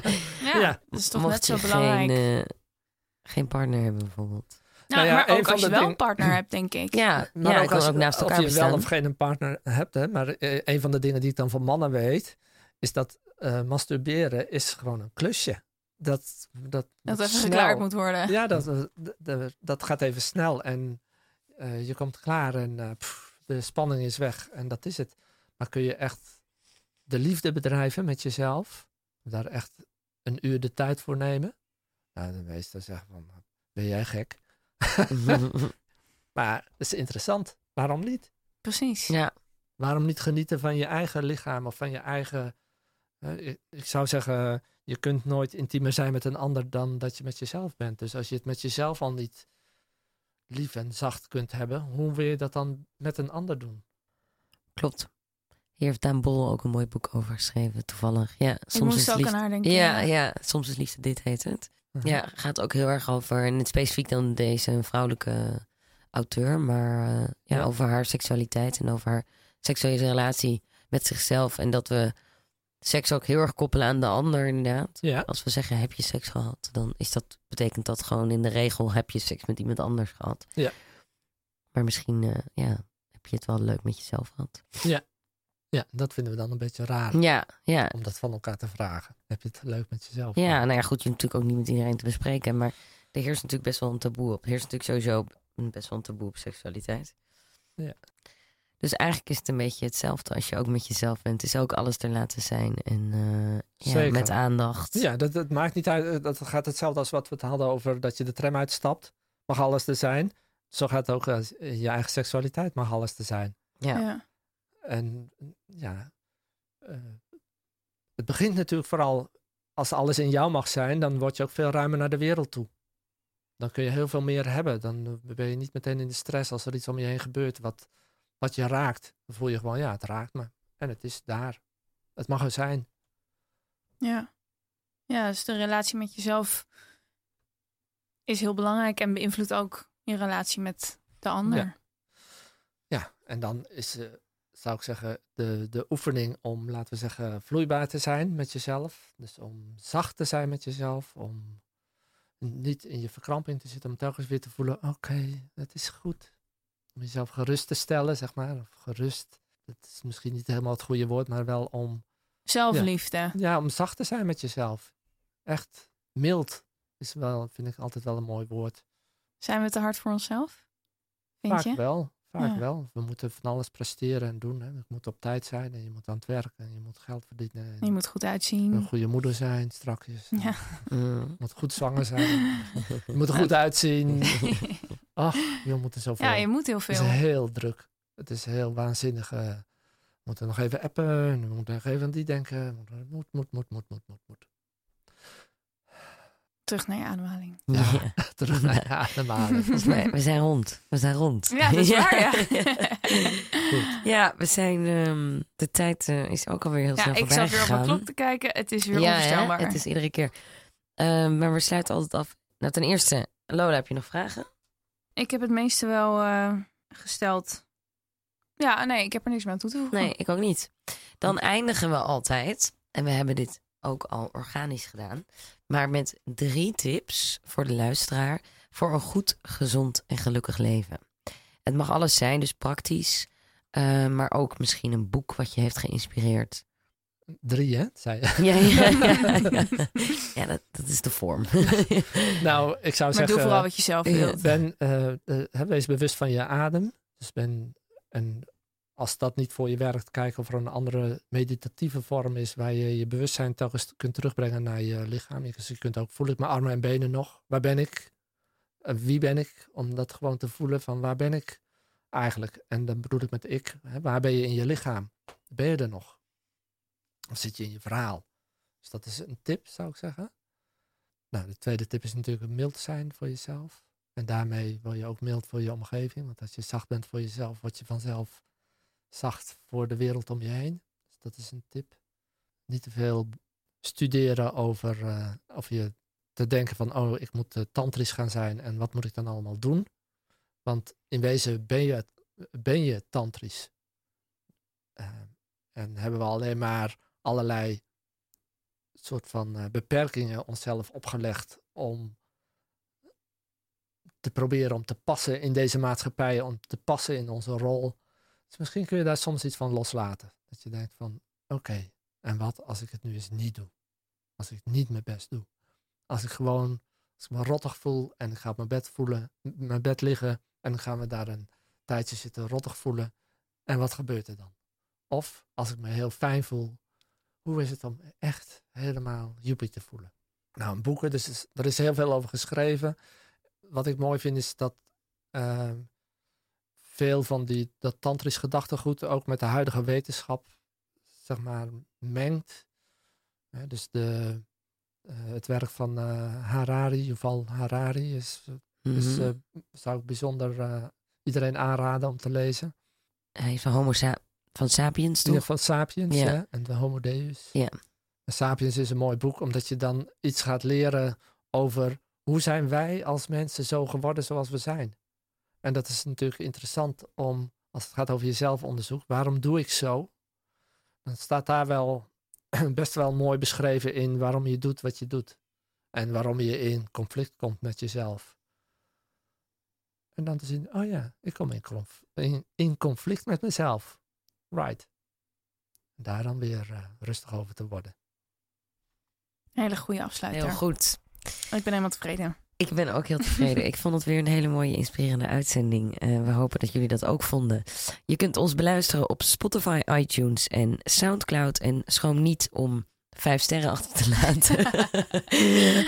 of een comment. En we zien jullie graag volgende maand weer.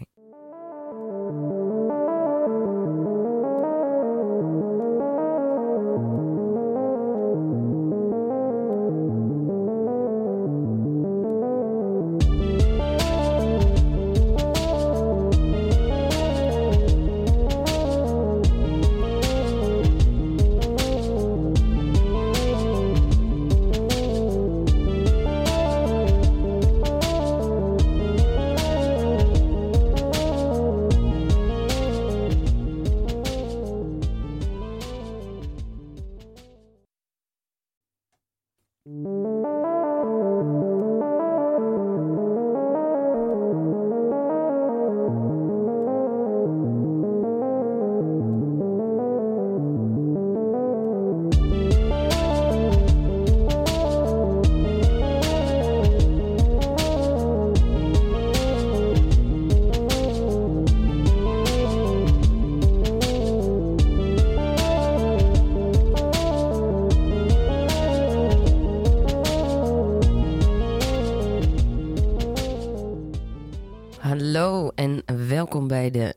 zesde aflevering alweer van Lijf en Leden.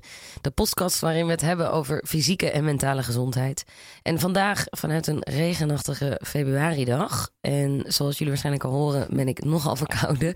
Dus excuses voor dit nasale geluid. Maar eh, ik hoop dat het allemaal nog goed eh, verstaanbaar is. Ehm, we gaan het vandaag hebben over tantra. Want ook dat heeft met een goed, gezond en gelukkig leven te maken. En Lola, we hadden het er net al even kort over. Maar eh, wat is jouw ervaring, of juist niet, met tantra? Niet. Nee, helemaal niet. En eh, dat vind ik dus heel leuk. Dat, we, dat ik er nu helemaal blanco in ga en dat het een nieuw onderwerp is. Ik heb me wel een beetje ingelezen, maar ik heb eh, ook nog heel veel vragen. Mhm. Ja, ik weet er ook niet alles vanaf. Ik moet je zeggen, ik vind het wel altijd een interessant onderwerp. Dus ik heb wel ehm, er wel eens dingen over gelezen. En wij hebben elkaar in een ver verleden. Ik wijs trouwens naar onze gast, die zal ik zo even introduceren. De gast en ik hebben elkaar in een ver verleden ooit gesproken. Maar zowel de gast als ik, die wist dat niet meer precies. Om een keer eh, een programmareeks te organiseren. Maar ik ben daar toen niet op doorgegaan. Dus ik heb ook nog heel veel vragen. Gelukkig. Gelukkig. Ehm, we gaan dat vandaag doen met Theo de Klein. Hij- Welkom. welkom in de studio. Dankjewel. Ja, even kijken. Mijn eerste vraag is dat veel mensen denken bij het horen van het woord tantra meteen aan seks. Klopt dat? Dat de mensen daaraan denken meteen. Is dat het, klopt ja, wel, dat ja. klopt. Is eigenlijk Maar de traditie heeft er eigenlijk heel weinig mee van doen. Dus vanuit de traditie, vanuit de grijze oudheid, heeft tantra eigenlijk heel weinig met seks van doen. Ehm, wat wel, denk ik, belangrijk is, is dat het, het tantra is een spirituele weg en het gaat seks en seksualiteit op geen enkele manier uit de weg. En dat is de meeste spirituele wegen en de meeste religies, eh, die hebben daar andere kijk op. En op die manier is Tantra zo'n beetje 100 jaar geleden alweer in het Westen geïntroduceerd. En heeft het een, eh, altijd belangstelling gehad voor mensen die geïnteresseerd, geïnteresseerd zijn in seksualiteit en de ruimte daarin. Dus het is meer onderdeel van. Zeker, ja. Zijn alle andere spirituele stromingen, zeg maar, eh, gaan seksualiteit wel uit de weg? Is dat wat je zegt? Ehm, dat kan ik niet zeggen natuurlijk. Veelal wel. In ieder geval zou je kunnen zeggen dat in, in tantra daar eh, echt ruimte voor is. En als we nog heel eventjes eh, kunnen ingaan op het, op, eh, het niet-seksuele, of wat het ook meer is dan alleen dat het gaat over seksualiteit, wat, wat is tantra dan? Ehm, ja, het is een spiritueel pad. Het is eigenlijk een levensvisie, zou ik zeggen. Het is een, een misschien ook wel een wetenschap. Het is het onderzoek naar eh, het leven in mij. Wat, wat is dat nou eigenlijk? Hoe leef ik het leven in mij? En daar kun je op mediteren en daar kun je in experimenteren en dat kun je onderzoeken. Eh, we zijn veelal gewend om ons bezig te houden met de wereld om ons heen. Dat is ook hoe ik in ieder geval ben opgevoed. Van hoe is het daar allemaal? Hoe gaat het met de wereld? Met Tantra zegt echt het leven als ervaring. Als je dat ten diepste ervaart, wat dan? Er, er komt ook geen uitkomst van zo zit het. Maar het is gewoon de belangstelling om het leven ten diepste te ervaren. En helemaal te doorleven als het ware. Mooi. Heel mooi. En seksualiteit is daar natuurlijk een, interessant onderdeel van. Gewoon om dat helemaal te doorleven, helemaal te doorvoelen, helemaal te onderzoeken. Nou, over het algemeen eh, in onze, of in ieder geval in de religie waarin ik ben opgevoed, de katholieke religie, daar nul ruimte voor. Hoe uit zich dat? Nou, seks is iets waar je het niet over hebt. Klaar, zo kort. en als het ter sprake komt of als het op tv komt, dan gaat hij uit. Ja, hè? Ja, En dan gaan we het ergens anders over hebben. Dat is een Ja. groot taboe. want je zei net ook, eh, we zijn erg bezig met de, de wereld om ons heen, toch wat er Ja. buiten gebeurt. Ja, Eh, zeg je daarmee inderdaad dat dus tantra gaat over wat er eh, binnen gebeurt? Ja, dus je, je innerlijke ervaring, je eigen ervaring is leidend. Dus je eigen ervaring is ook altijd waar. Je kunt bedenken wat je wil. Je kunt bedenken, ik ga rechtsaf of ik ga linksaf. Maar wat je voelt, is wat je voelt. Daar kun je niet omheen. Dus dat, dat is een waarheid die, ehm, zou je kunnen zeggen, soms ondergewaardeerd wordt ten opzichte van de ideeën over wat je zou moeten voelen of hoe dingen zouden moeten zijn of wat je bij anderen ziet. Of zo. Is dat eh, moeilijker, denk je, voor mensen in het Westen? Ja, Omdat wij wat verder afstaan misschien van onze gevoelens? zeker. Ja, je wordt er niet, tenminste, ik ben er niet heel sterk in uitgenodigd. Nee. Dus op school niemand die vroeg van, God, maar hoe voel je je nou? Nee, precies. En als ik eh, thuis moest lachen of moest huilen, dan, dan zei mijn moeder, niet huilen. Klaar. Ja, ik denk dat dat nog steeds heel erg eh, leeft. Ja. Toch? Een beetje Ja. die insteek en die opvoeding in Nederland. Ja. Dus je wordt eigenlijk, je gevoelens worden eigenlijk eh, een beetje in een box gestopt. Hè? Je wordt gekaderd in Ja. wat er En Wat je mag beoordeeld dus ook een beetje inderdaad van beoordeeld. wat, wat goede of positieve Ja. gevoelens zijn en wat negatieve gevoelens zijn. En die oordelen komen, om te beginnen, als je heel jong bent, komen die oordelen van buitenaf. Maar wat we heel veel gewend zijn te doen, is die oordelen te internaliseren. En dan denk je dus dat als je huilt, als je verdriet voelt, dat er echt iets misgaat. Terwijl er gaat niks mis. Je voelt Ja. gewoon verdriet. Dus in tantra mag alles er zijn. Ja, tantra is eigenlijk ja zeggen tegen alles wat zich aan je voordoet. Dus acceptatie van, oké, dit is het. Want pas als je ja zegt van, eh, als je ja zegt tegen een gevoel, als je ja zegt tegen een ervaring, dan komt er iets van, hè, hè, oké, het mag Ja. er zijn. En dan kun je het onderzoeken. En als je zoiets hebt van, nee, ik wil niet boos zijn, of ik wil dit niet, of ik wil, oh help, en wat zullen anderen ervan denken, dan ben je helemaal daar bezig en ben je niet meer in je ervaring. Verkramping. Juist. Ja. Ja. zo klinkt het een beetje Ja, althans. we hebben het hier met Eline Sluis. Ja, het sluit heel erg aan inderdaad op onze... Is dat vorige? Nee, één aflevering daarvoor. Dus dat is ook heel leuk. Leuke koppeling. Ja. Eh, hoe doen we dat? Heeft, heeft Tantra daar een soort eh, een werkwijze over bedacht? Ehm, Het klinkt alsof het, ik bedoel, is er een manier om. om ja, is er een manier? Het Ja. gaat natuurlijk over eh bewustzijnontwikkeling. Dus dat je je bewustzijn ontwikkelt, eigenlijk dat je vertraagt en dat je luistert naar wat zich aandient van binnen, wat zich aandient aan gevoelens. Nou, dat kun je doen door meditatie, dat kun je doen door aandacht voor je adem, bepaalde ademtechnieken. Er zijn allerlei tools, zou je kunnen zeggen, er zijn allerlei gereedschappen die tantra biedt en zegt van probeer dit eens. Misschien is het wat voor je, misschien niet. En in die zin is het een heel, uh, ja, een beetje een vrijgevochten stroming. Omdat het zegt niet van, kijk, als je nou maar twee keer per dag uh, drie kwartier op een kussentje gaat zitten, dan komt het goed met je. Nee, het is heel uitnodigend van, probeer dit eens. En als het je bevalt, als het je helpt, ja, je gaat natuurlijk niet na de eerste keer meteen opgeven, maar als dat is wat je helpt, waarom niet? Doe ja, dat. ga zelf op onderzoek uit. Juist.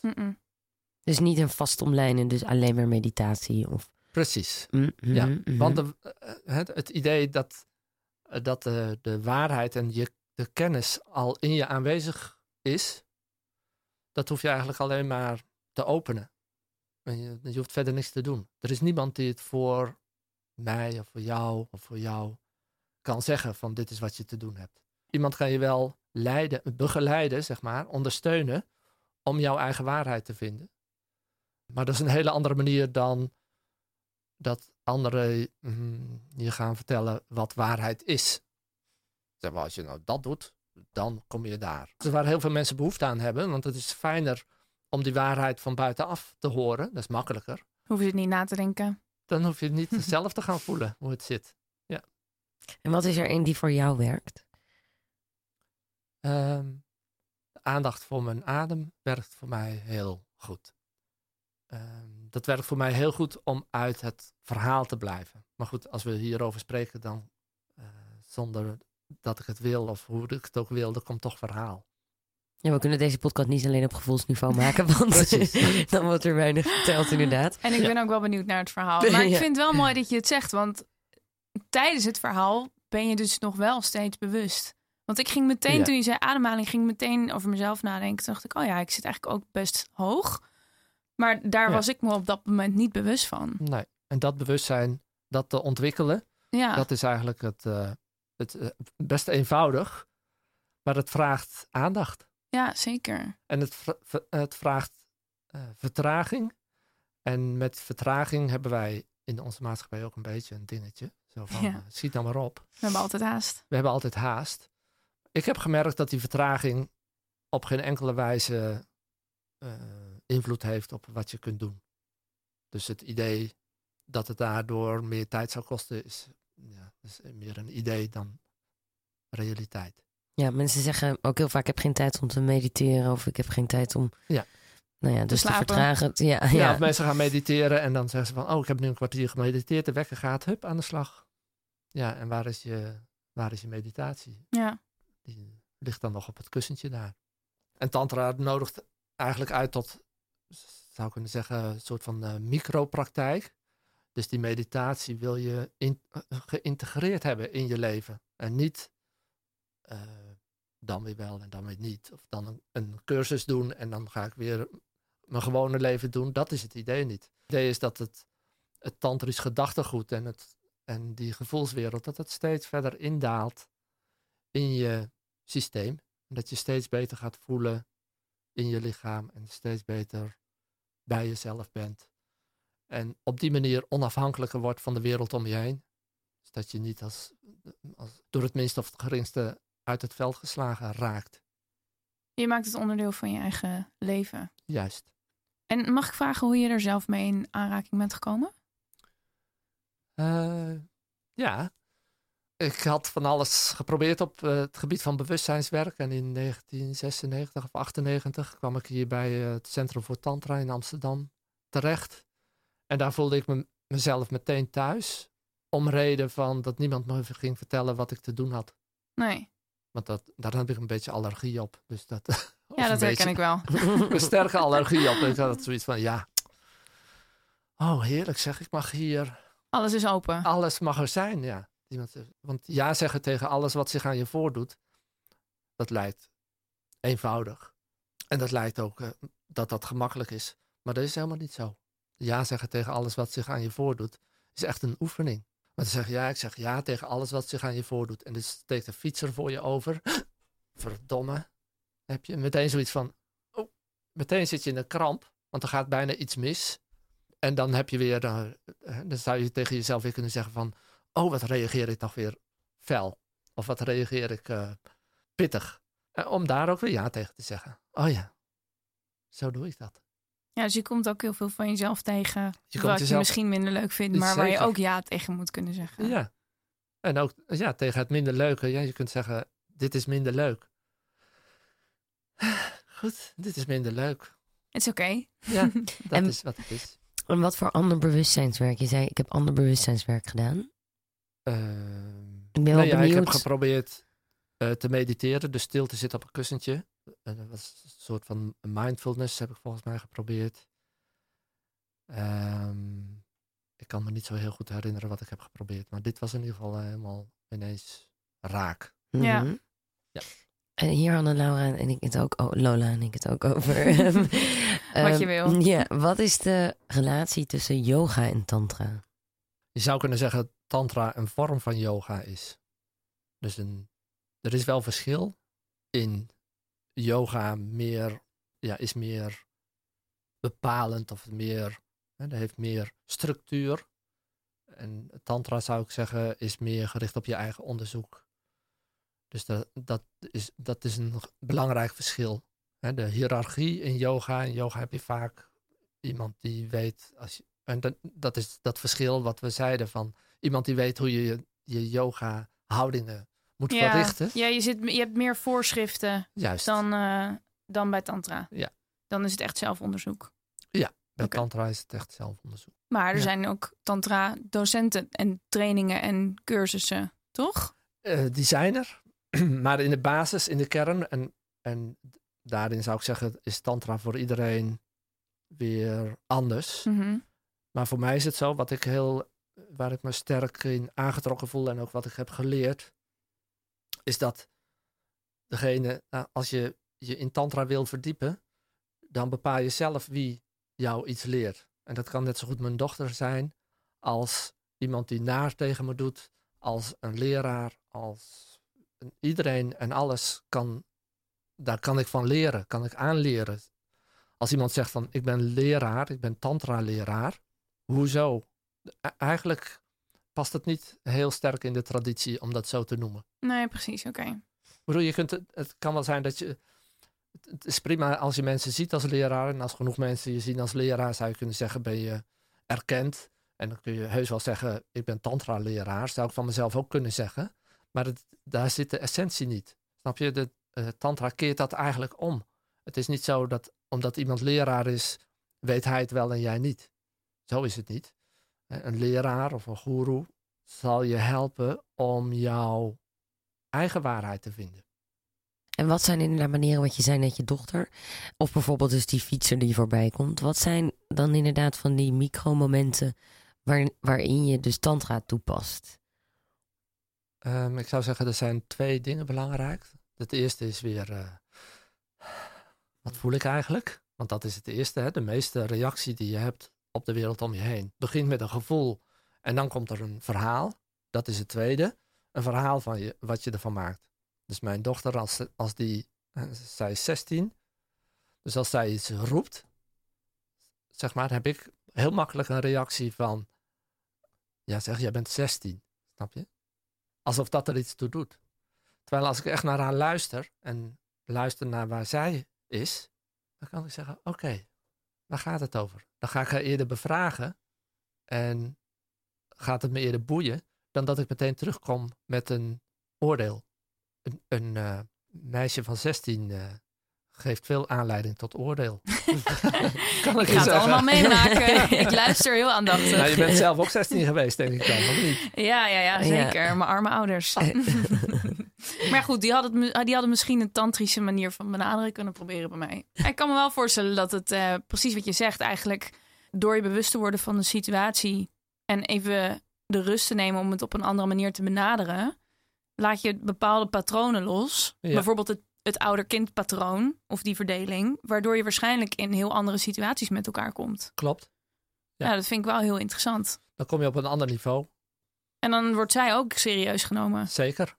Ik neem dit mee hoor. Ja, nee, zeker. Dus, eh, dus in, de, in de opvoeding is het belangrijk. En En bijvoorbeeld net, eh, dat is dan misschien een klein dingetje, maar Lola en ik die stapten net uit de tram inderdaad. En het is dus echt aan het hozen en aan het waaien. Ja, nou, wij hadden al, ja, weer.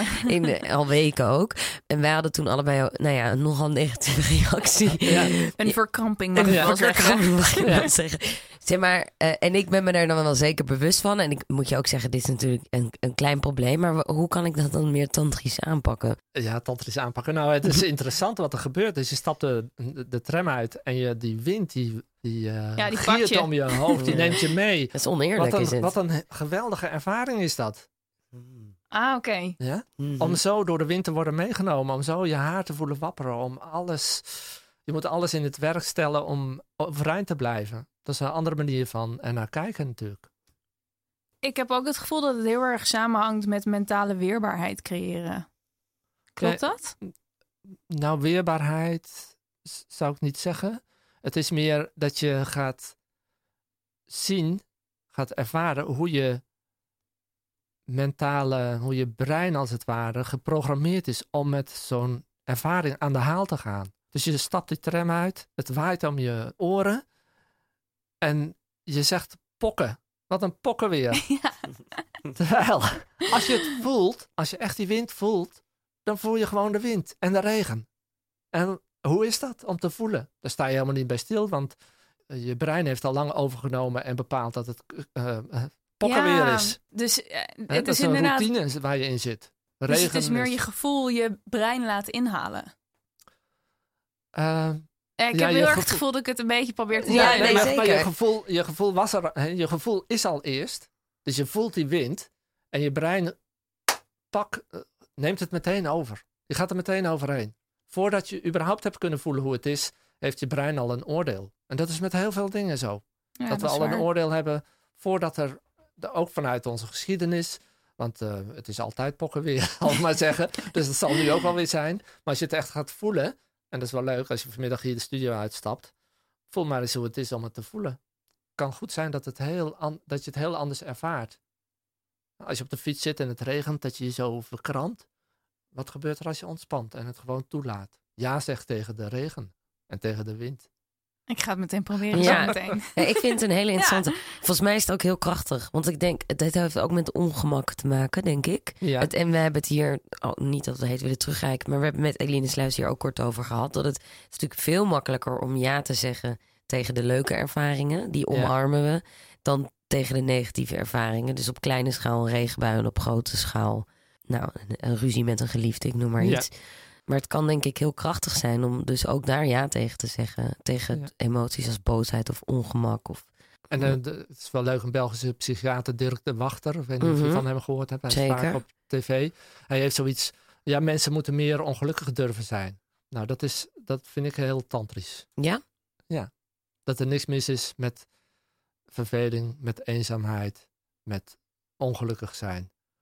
Dan is dat wat er is. Voor het moment. Het is natuurlijk niet fijn als je er altijd in zit. Maar je hoeft het niet meteen weg te werken door iets te gaan doen, te proberen het op te lossen. Dat is eigenlijk wat hij zegt. En dat is ook wat, wat in Tantra zo belangrijk is. Om niet meteen er een oordeel over te hebben, meteen actie op te ondernemen, te gaan drinken of te gaan gauw afspreken of te gaan appen. Of weet je, meteen ervan weg eigenlijk, van wat je voelt.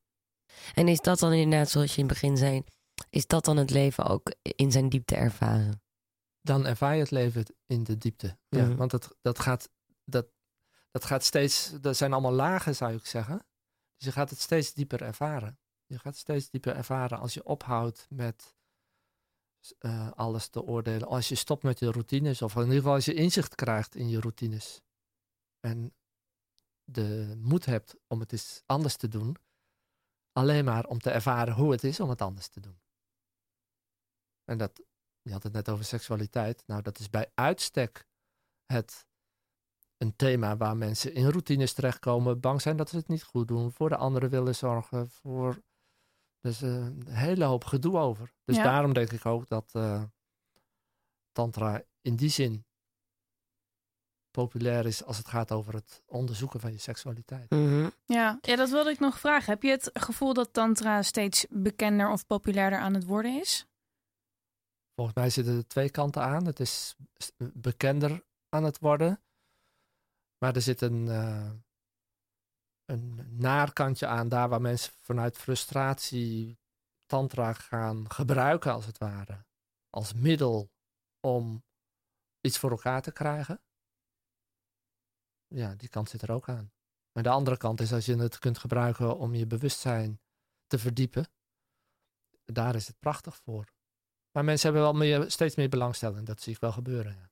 En wat bedoel je als middel om iets te gebruiken? Dat het zeg maar wordt ingezet om carrière te maken of zo? Ik noem maar Nou, dat, wordt inge- ja, dat wordt ingezet om eh, eh, leuk een, eh, om werk van te maken. Dat het inge- ingezet wordt als om seks te organiseren of vrij te doen, zeg maar. Om dus te zeggen van ja, maar ik ben tantrisch, dus alles kan en mag en alles is goed. Ja, dan dat is natuurlijk niet eh, de idee erachter. Nee. Nou, misschien kunnen we dan nu eh, even daarop ingaan inderdaad. Van wat is wel het idee daarachter? Over dus tantra en seksualiteit. Ga- in wezen gaat het ook over bewustzijn. Dus bewustzijn over al je gevoelens. En bewustzijn ontwikkelen over de verhalen die je maakt van seksualiteit. De ervaringen die je hebt. De angsten die je hebt. Om er allemaal bewust van te zijn. Dan hoef je niet per se mm, ineens alles anders te doen. Maar als je bewust wordt van eh, je gevoeligheid, je kwetsbaarheid, de schoonheid eigenlijk van seksualiteit. En je vertraagt, dat is eigenlijk de stap 1. Vertraag, vertraag, vertraag. En mag alles, kun je ja blijven zeggen tegen alles wat zich aan je voordoet. Dus als je vriendje met je wil vrijen, durf je dan te zeggen: eh, Ho, ho, eh, ik heb even, ja, ik moet even voelen of het klopt nu. Voelen of het klopt, ja of nee. Snap je? En we, dat zit er meteen erbovenop. Nou, dat is denk ik meteen een heel belangrijk onderwerp wat we hier aansnijden. Want ik denk dat seksualiteit voor vrouwen natuurlijk heel anders is dan voor mannen. Ja. En dat dat ook heel veel met denkpatronen te maken heeft die wij opgelegd krijgen Mhm. vanaf jonge leeftijd. Mhm. Ja, en seksualiteit of seks wordt pas mooi als, als dat verschil qua idee tussen man en vrouw niet meer zo groot is. Precies. Als je daar meer op, op één lijn bent. Het niet energetisch bedoel ik niet, maar dat je meer dat je echt ruimte hebt voor elkaar. Dat, dat je echt eh, voelt van wat voel ik en als ik een verlangen heb en het wordt niet vervuld, kan ik zijn met een verlangen wat niet wordt vervuld. Als, hè, als jij iets voelt, kan ik jou dat echt laten voelen en kan ik daarbij blijven? Of moet ik zo nodig iets regelen? Of moet er iets gebeuren? Mhm. Ja, veel mannen zijn toch gericht op een soort van hoogtepunt te behalen. Misschien niet bewust, maar onbewust is dat toch een drive. En dat is ook een, je zou kunnen zeggen, ergens is dat ook een natuurlijke drive. Maar het is interessant om te onderzoeken of dat wel echt passend is. En heel, ja, steeds meer mannen gelukkig gaan daarin onderzoeken. Wat gebeurt er als ik niet naar dat hoogtepunt ga? Maar wat gebeurt er als ik eerst eens, als, als ik echt alle tijd neem om te onderzoeken wat ik nou eigenlijk voel als ik met je vrij? Wat Ja. voel ik? En hoe is het om dat te voelen? En om daar samen in, als het ware, te wachten, te rusten, te, uit te dijen, als het ware. Dan wordt een heel ander, wordt het iets heel anders dan een, mm, ja, wat, wat ik het vaak noem een kunstje. Ja. Wat je hebt geleerd van, oh, hop, hop, hop, zo doen we dat. Klaar. Super saai. Eigenlijk Ja. wel. Ja, en ook dus het vertragen. Het is ook letterlijk het vertragen eh, in een vrijpartij. Zeker. zo maar ja, te letterlijk een vertragen. Omdat er, is, er gebeurt zoveel. En we stappen over zoveel heen. Dat er eigenlijk... eh, eh, ja, er is echt te weinig tijd of te weinig ruimte om dat echt te doorvoelen. Zou ik zeggen.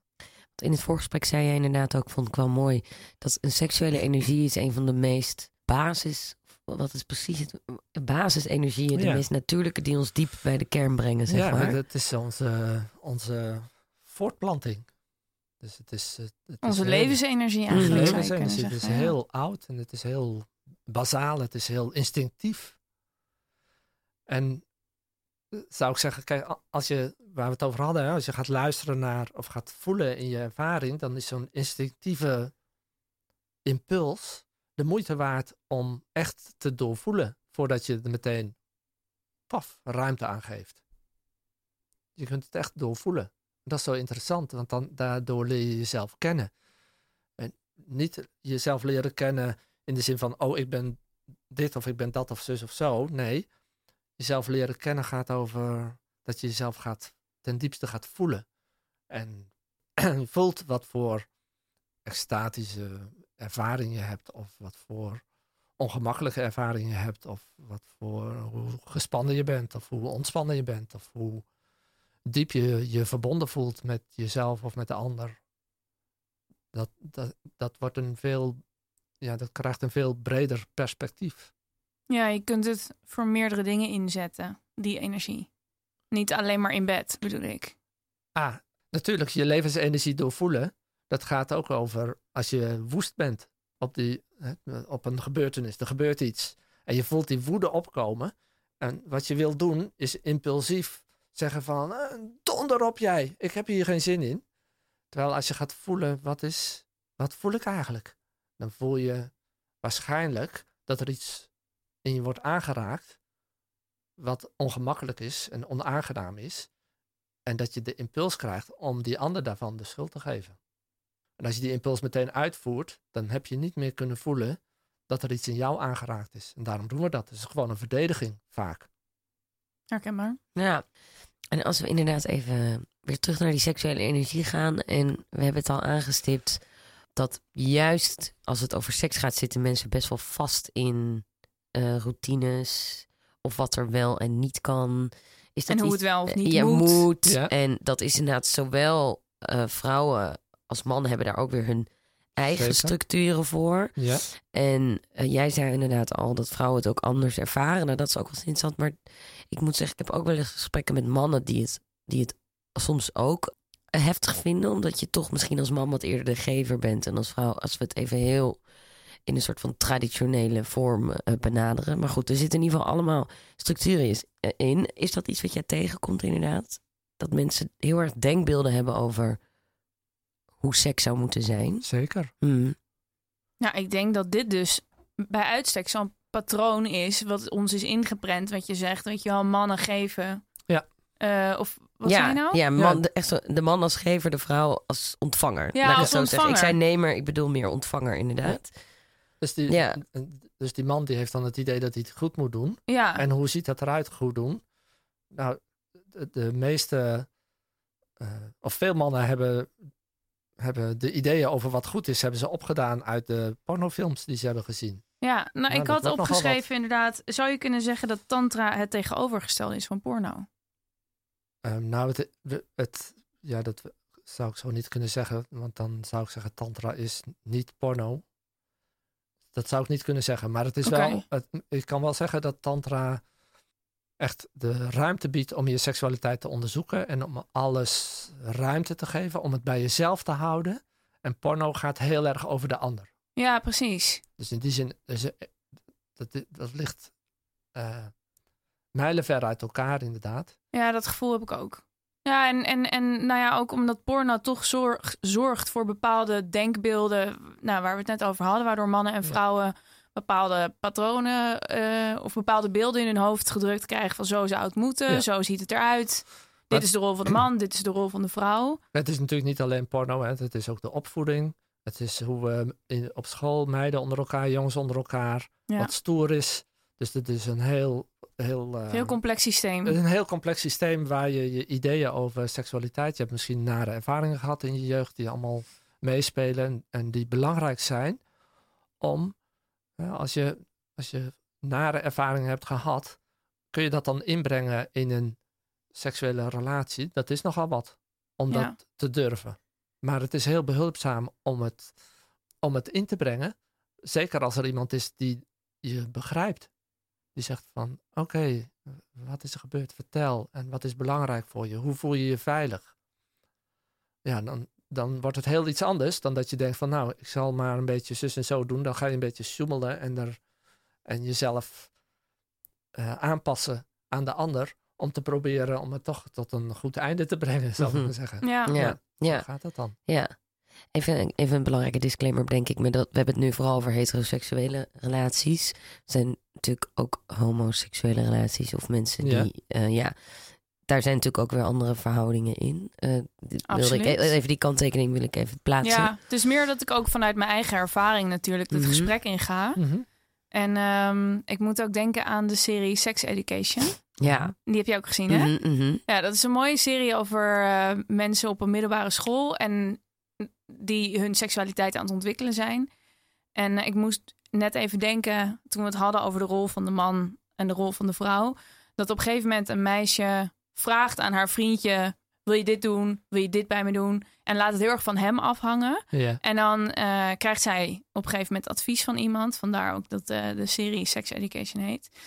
En dan wordt haar gevraagd: wat wil je eigenlijk zelf? Dat vriendje vraagt ook: ik wil iets doen wat jij prettig vindt. Mhm. En dan komt ze erachter dat ze eigenlijk totaal niet weet wat ze zelf wil. Nee. En dat vind ik dus ook zo'n, ja, iets waarvan ik het gevoel heb dat is een typisch verschil tussen mannen en vrouwen. Ehm, zoals ik het zelf heb er- ervaren, denk ik dat, dat in het begin je seksualiteit draait om wat wil de ander. Toch? Mhm, Zeker. En dat het echt even duurt voordat je durft te gaan onderzoeken wat wil je zelf. Mhm. Dus ik vind dat, eh, dat we meer seksuele. Eh, ik loop nu even vast. Maar Nee, ja, nee, dat, nee, dat helemaal- onderdeel zou moeten zijn Ja. van seksuele voorlichting bijvoorbeeld. Ja, maar er is natuurlijk seksuele voorlichting is natuurlijk echt super, vind ik heel erg achtergesteld. Het gaat alleen maar over hoe kan je geen eh SOA's krijgen. Maar het gaat niet over het plezier volgens mij in seks en De intimiteit. de intimiteit die het kan zijn en nou ja, hoe je dingen moet ontdekken. Volgens mij is dat zeker aan de hand. Ja, de- en ik zou ze- nog even aanvullend of aansluitend op eh, het- de meeste jongens of de meeste mannen weten ook niet wat ze willen hoor. Oké, zie je. Dus ik ben eigenlijk ook gewoon Mm. bevooroordeeld Ja. door, door mijn Ja, eigen dat is, perceptie. daar, is geen, daar is geen verschil. Misschien doen ze eerder alsof ze wel weten hoe het moet. Ja, dat kan Maar ook. de meesten weten het. Kijk, het punt is, als het gaat over seksualiteit, over een ontmoeting met iemand in seks, als het goed is, weet je allebei niet wat je wil. En als je allebei niet weet wat je wil, wat ontstaat er dan? Je voelt iets en je reikt uit, je probeert eens wat, je voelt nog eens. Je, je weet het niet. En daar opent zich de ruimte om in zo'n seksuele ontmoeting echt heel diep te ervaren en op plaatsen te komen, niet letterlijk, eh, waar je nog nooit geweest bent. Nou, misschien ook wel letterlijk, maar ik Ja. bedoel, om Mhm. in gevoelens te komen die om, tot nu toe onbekend voor je waren. En dat is het niet weten, is heel behulpzaam daarin.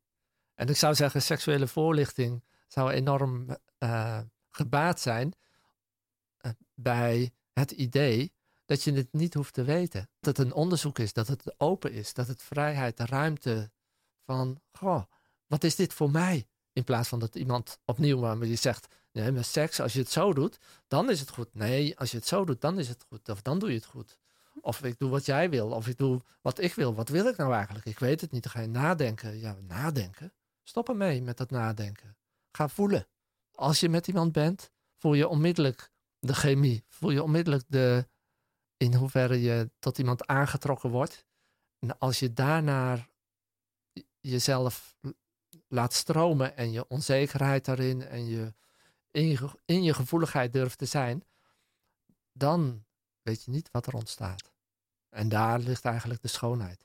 En het is dus eigenlijk steeds opnieuw een zoektocht. Met, met ieder ander persoon is het weer een zoektocht. Eh, Als je, ja, dat is misschien een zoektocht, maar een zoektocht eh, impliceert dat je iets zou moeten vinden. Maar het is, eh, met ieder andere persoon is het weer een eh, Ontdekkingsreis. Ja, ik denken. ja, Ontdekkingsreis. Ja. Ja, ja, en als je dus langer met iemand bent, kun je dus, denk ik, ook een bepaalde diepgang op een gegeven moment elkaar. Ja, dat je elkaars gevoelsleven misschien meer leert kennen. Dat kan wel, denk ik. ja, zeker als elke ontmoeting, ook met dezelfde persoon, Mhm. opnieuw zo'n ontdekkingsreis mag zijn. Ja, niet elke natuurlijk, want je, je bent af en toe ook in de routine, maar kun je af en toe die routine doorbreken en voelen van, oké, nu, nu doen we het eens helemaal anders. Nu alsof je elkaar voor het eerst weer ziet. Of, ja, er zijn allerlei mogelijkheden om elkaar op die manier te benaderen, te ontmoeten, elkaar mee te nemen in eh, in de, de verrassing, zeg maar. Kunnen we een paar van die mogelijkheden bespreken misschien? Ja, vind ik ook wel. Ja, het, hoeft niet super plastisch te Ja, ik worden, wou maar ik ben zeggen, wel ik benieuwd.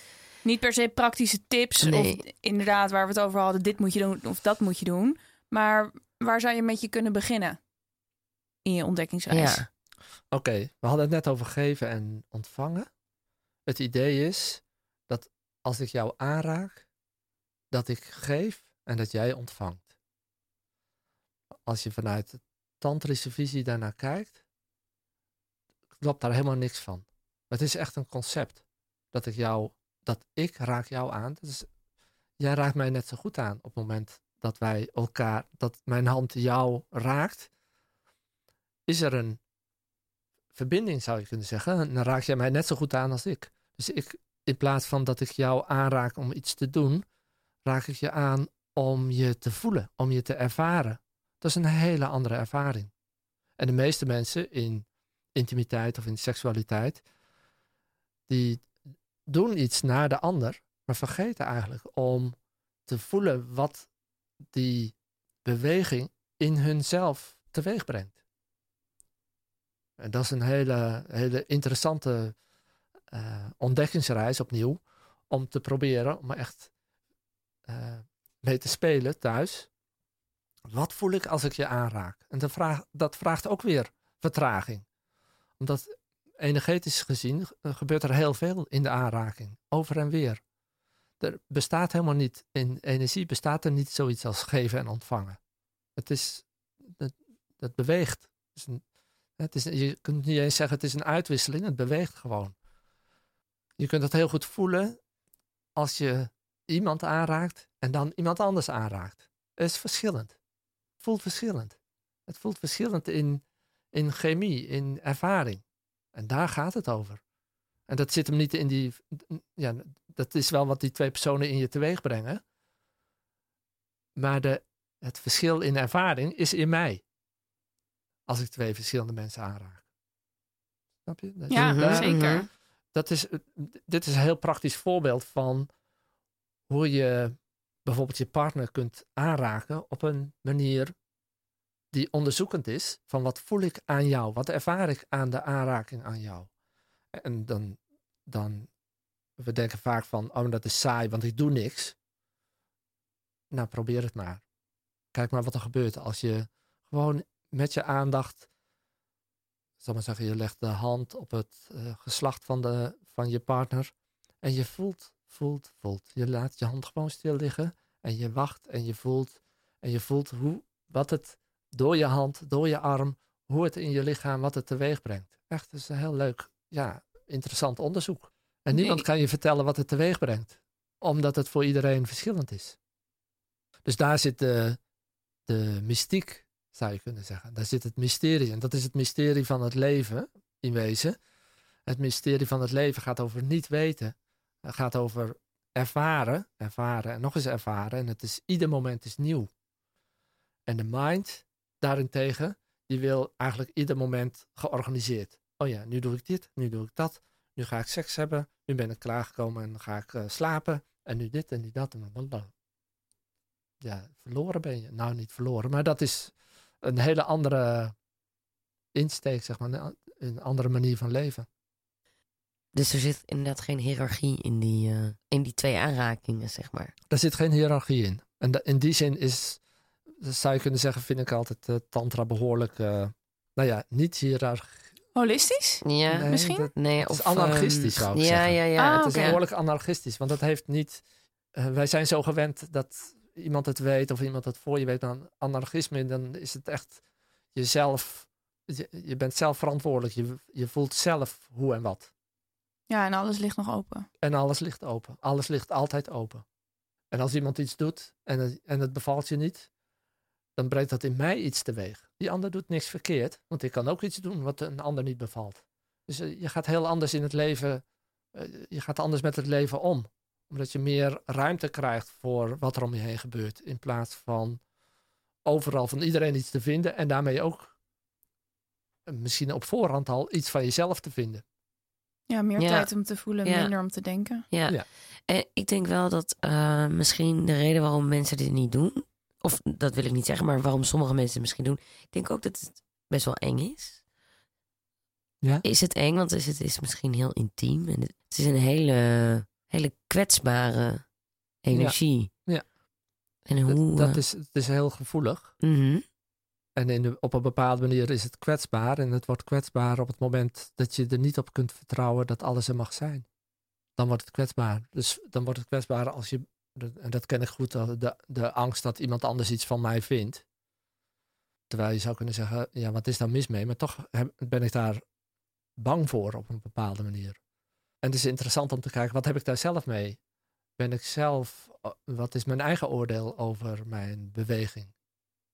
En ben ik daar ook bang voor? Nou, misschien ook wel. Maar dat onderzoek naar, naar je eigen angsten hè, en de angsten voor je eigen mindfuck, zal ik maar zeggen, is gewoon heel interessant.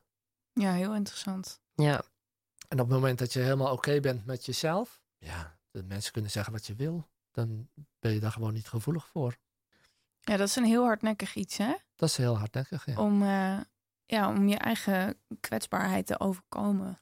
nou, denk of dat dat om hem gewoon de- te laten zijn, hè, om kwetsbaar en gevoelig te mogen zijn, Dat is het meer, ja.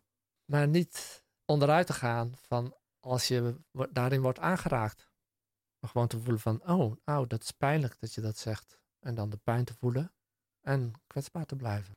In plaats van wij leren om oh, niet te kwetsbaar op te stellen of niet te veel te laten zien of voorzichtig of terughoudend Precies. eigenlijk. Dat is jammer natuurlijk. ja, maar dan vind ik dus inderdaad eh, seks en seksualiteit is dus denk ik ook een hele mooie oefening om die kwetsbaarheid toe te laten. Zeker, Toch? zeker. Want je bent echt super kwetsbaar. Ten eerste ben je letterlijk, meestal ben je in je blootje. Letterlijk en figuurlijk naakt. ja, letterlijk en Ja. figuurlijk naakt.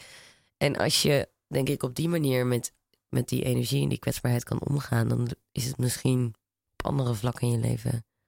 Ja, kun je dat ook inzetten? Of is het misschien makkelijker om, om Ja, dan. kan je die kwetsbaarheid ook overkomen Ja. misschien. Ja. ja, Ja, dat Of geldt accepteren over en weer. En dat, ja, dat, dat geldt twee kanten op natuurlijk. ja. Kijk, wij hebben een beetje de neiging om in onze, in onze cultuur is eh, seksueel zijn of seks is een apart hoofdstuk.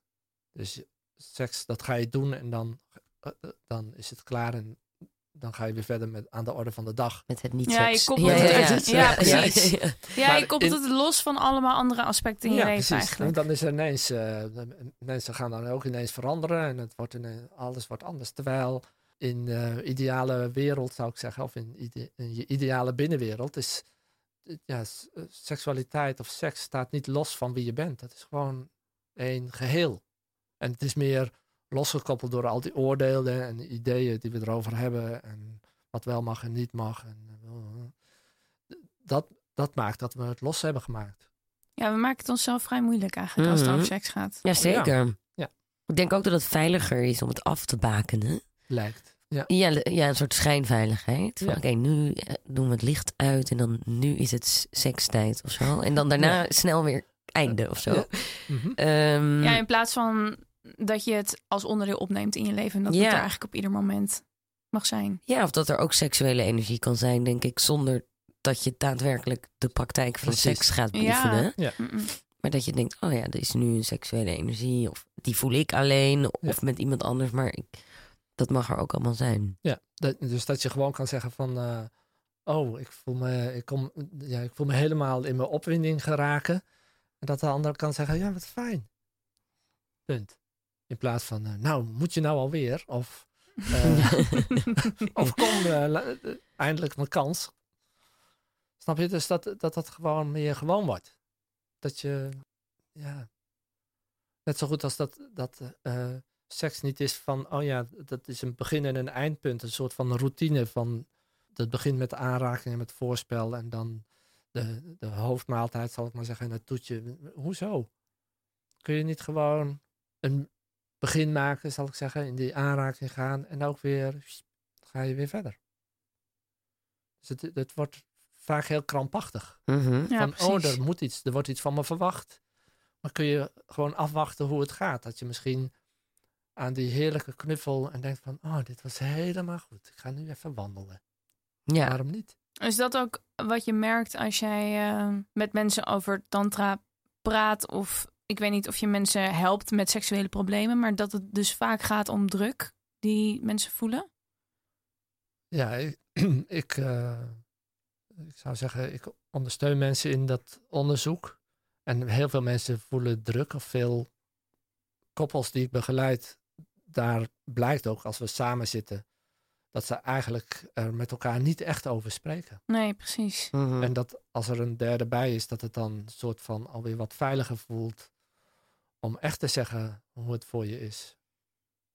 En dan kunnen we kijken van oké, als dat zo is, hoe kun je ruimte maken? Hoe kun je elkaar weer opnieuw ontmoeten in alle openheid en vrijheid? Ja. Dus in het begin is ook echt het bespreekbaar maken. Openen. Ja. Het je moet eerst openen voor je eigen gevoelens. En als het dan gaat over de connectie met de ander, dan gaat dat, eh, hè, dan wordt dat, eh, dan, dan kun je het gaan uitspreken. Maar om te beginnen, dat is al een hele opgave om echt te voelen, wat voel ik nou eigenlijk? Ja, en ik denk ook dat we ons misschien niet bewust zijn zozeer van het feit dat andere mensen ook druk voelen en net zozeer vastzitten aan bepaalde Ja. Ja. ideaalbeelden of patronen. Ja, dat breken we ook niet open. Nee. Maar waarschijnlijk eh, loopt iedereen tegen dezelfde dingen aan. Ja, want eh één belangrijk ding in onze mind, of een belangrijk element, is dat we verhaal maken over anderen. Oh, hij zal wel, of oh, zij zal wel, Ja. of oh, ik moet eigenlijk, of het gaat maar door. Allemaal invullen. En je vergeet helemaal te voelen, maar wat voel ik nou eigenlijk? En zijn er andere dingen, ik- gewoon denk ik misschien eh, voor de luisteraar die zich in, erin kan herkennen, die je veel eh, terug ziet komen of veel hoort bij de koppels die je begeleidt? Specifiek bij koppels bedoel je? Mm, Ja, als we het nu even over koppels hebben. ja, één belangrijk ding is dat je, eh, wat, wat ik regelmatig tegenkom, is dat mensen zeggen van ik hou van je en je bent mijn nummer één, maar eigenlijk geen idee hebben wat ze er nou eigenlijk mee bedoelen. Wat zit daarachter? Dus ik hou van je, je bent mijn nummer één, maar ja, ik moet nu werken. Ik moet twee weken werken, sorry, ik kan je niet zien. Ik heb geen tijd. Ja, dat zijn interessante dingen. Of ja, we hebben helemaal geen tijd om eh, elkaar te zien. Of, hè, om, om intiem te zijn met elkaar. Dan zeg maar, je plant alles in je agenda. Helemaal, je agenda is volgepland. En er is geen ruimte om intimiteit te plannen. Ja, maar intimiteit moet vanzelf gaan. Oké. Maar het gaat niet vanzelf. Soms. En, dan- dus dan ga je onderzoeken van, maar wat is hier nou eigenlijk waar? Wat klopt er nou? Als je het echt wil, kun je er dan nog ruimte voor maken. Hele eenvoudige dingen zijn dat. Waar we vaak in routines geraakt zijn van, oh ja, maar werk, jij bent mijn nummer één, maar werk gaat voor. Dus je bent nummer twee eigenlijk. Dat is het. Ja. Dus daar, daar is, dat is het onderzoeken waard. Hoe doe je dat? Als je in een relatie zit en als je al langere tijd in een relatie zit, in welke routines ben je terechtgekomen en wat laat je, wat laat je daarin liggen? Ja, daar ben ik dus ook wel benieuwd naar. Ik, ik heb nu iets meer dan drie jaar een relatie. Ja. En eh, tot nu toe gaat het allemaal heel erg organisch en goed. Maar mijn ouders die eh, zijn heel lang bij elkaar ge- geweest. En die komen natuurlijk ook weer uit een andere eh, tijd. Dus ik denk dat ik ook wel weer op zoek ben naar, naar andere dingen. Maar ik vraag me dus wel heel erg af, hoe zal dat ook zijn in de toekomst? Wat kan je daar zelf mee doen? En hoe kan je inderdaad op onderzoek uitgaan om ja, bepaalde gevoelens in stand te houden misschien wel? Ik zou zeggen dat het eh, heel behulpzaam is in relatie om onderscheid te blijven maken tussen liefde, relatie en seks. Oké. Dus de liefde die je voelt voor je de jongen of een, Ja, het is een jongen. Een Ja. jongen. Heel ouderwets. de liefde die je voelt voor je man, om die echt te voelen als dat je vaak gaat liefde over is ongrijpbaar. Dit is wat je voor iemand voelt, ongeacht van wat hij doet. Hè, veel, je blijft van hem houden, ongeacht van wat hij doet. Dat is de schoonheid van liefde. Die is echt ehm, ja, onvoorwaardelijk, zou je kunnen zeggen. Hè, als het goed is, stroomt gewoon uit. Maar relatie is een hele ander ding. Een relatie is een afspraak. Oké, wij, wij gaan een, jullie gaan een kindje Ja, we krijgen. gaan een kind krijgen. Nou, inderdaad. Dus- Hou je vast. dus de relatie wordt dan een soort van een afspraak die je met elkaar hebt over hoe je met elkaar omgaat, wat je wel doet, wat je niet doet. Maar ze, dat staat eigenlijk helemaal los van de liefde. De liefde is een, is een alles overheersend. Dat is waar je eigenlijk waar je voor gaat. Je Ja. bent met hem om de liefde. Je bent niet met hem omdat je afgesproken hebt om elk weekend eh, samen door te brengen, bijvoorbeeld. Dat is niet. Dat, is een mooie afspraak. Maar dat is, dat is een afspraak, dat is heel iets anders. Dat is een concept, als het ware. Een relatie is een idee. En vaak hangen we heel veel. Nou ja, als bijvoorbeeld iemand iets niet meer wil, van een bepaalde afspraak wil. Dus zegt van ja, maar ik, ga, ik heb nu een weekendje voor mezelf nodig. Dan denken we meteen van, oh, hou je niet meer van me? Ja? Alsof paniek. dat. Ja, dan is er meteen paniek, omdat die. de- dan wordt relatie en liefde gaat dan door elkaar lopen. Dus een relatie is een heel. Dus, speelt zich af op het domein van je mind. En de liefde is meer je hart. En om dat verschil te blijven voelen, is heel behulpzaam. Ja, en dan heb je dus nog het derde aspect en dat is seksualiteit. Seksualiteit, ja, seks is ook een, is een drive, is een hele. Hè? Daar hebben we net al naar gekeken hoe, hoe instinctief dat vaak is. Het is interessant om dat ook weer los te zien van, ah, dat is een instinctieve drive. Dat heeft niks te maken met een relatie en heeft er ook, ja, als het goed is, is er liefde bij. In, in je seksualiteit speelt de liefde wel een rol. Kan, maar hoeft niet. Nou, die drie, drie dingen een beetje uit elkaar rafelen is heel behulpzaam. Om echt in te voelen, om het ook over te hebben met elkaar van... Ja, wat is eigenlijk liefde voor jou? Wat betekent het? Wat beteken ik voor jou? Hoe, hoe zie je dat? Hè? Om, om echt, en het dan echt alleen over die gevoelens te hebben. En dan te kijken, oké, en we hebben een relatie. Hoe ziet dat eruit? Dat ziet eruit van, oh, we wonen wel of niet samen. We hebben eh, nou, de afspraken die we hebben. Dat is een heel ander niveau. Ja, het is wel interessant om er zo over na te denken. Ook over je eigen rol daarin. Dat ik nu zijn geliefde ben, maar straks ook moeder van zijn kind. Ja. Dat zijn natuurlijk ook verschillende lagen eigenlijk van één persoon. Net als Ja. dit dan ook verschillende aspecten zijn van één eh, ja, verbinding tussen twee mensen. Ja, en een relatie, daar zitten vaak verwachtingen in. En, hè, want als je afspraken maakt, dan zijn er ook verwachtingen. En dan zijn er verlangens van, ja, maar ik had toch gezegd dat jij de, De de afwas moet doen. Ja, dat, Ja. Is, dat is relationeel. Als je dat los kunt zien, dan kun je wel zien dat je een keer eh, pissig bent en gefrustreerd over wat er gebeurt in die relatie. En om telkens weer te voelen van, oh ja, en mijn liefde. Wat, hoe is het met mijn liefde? Want die relatie moet eigenlijk jou als persoon, moet je vervullen, moet je ondersteunen. Die relatie is er voor jou. Jij bent er niet voor de relatie. Die liefde is gewoon vrij. Maar het is belangrijk om te voelen dat die relatie er voor jou moet zijn. En jij niet voor de relatie.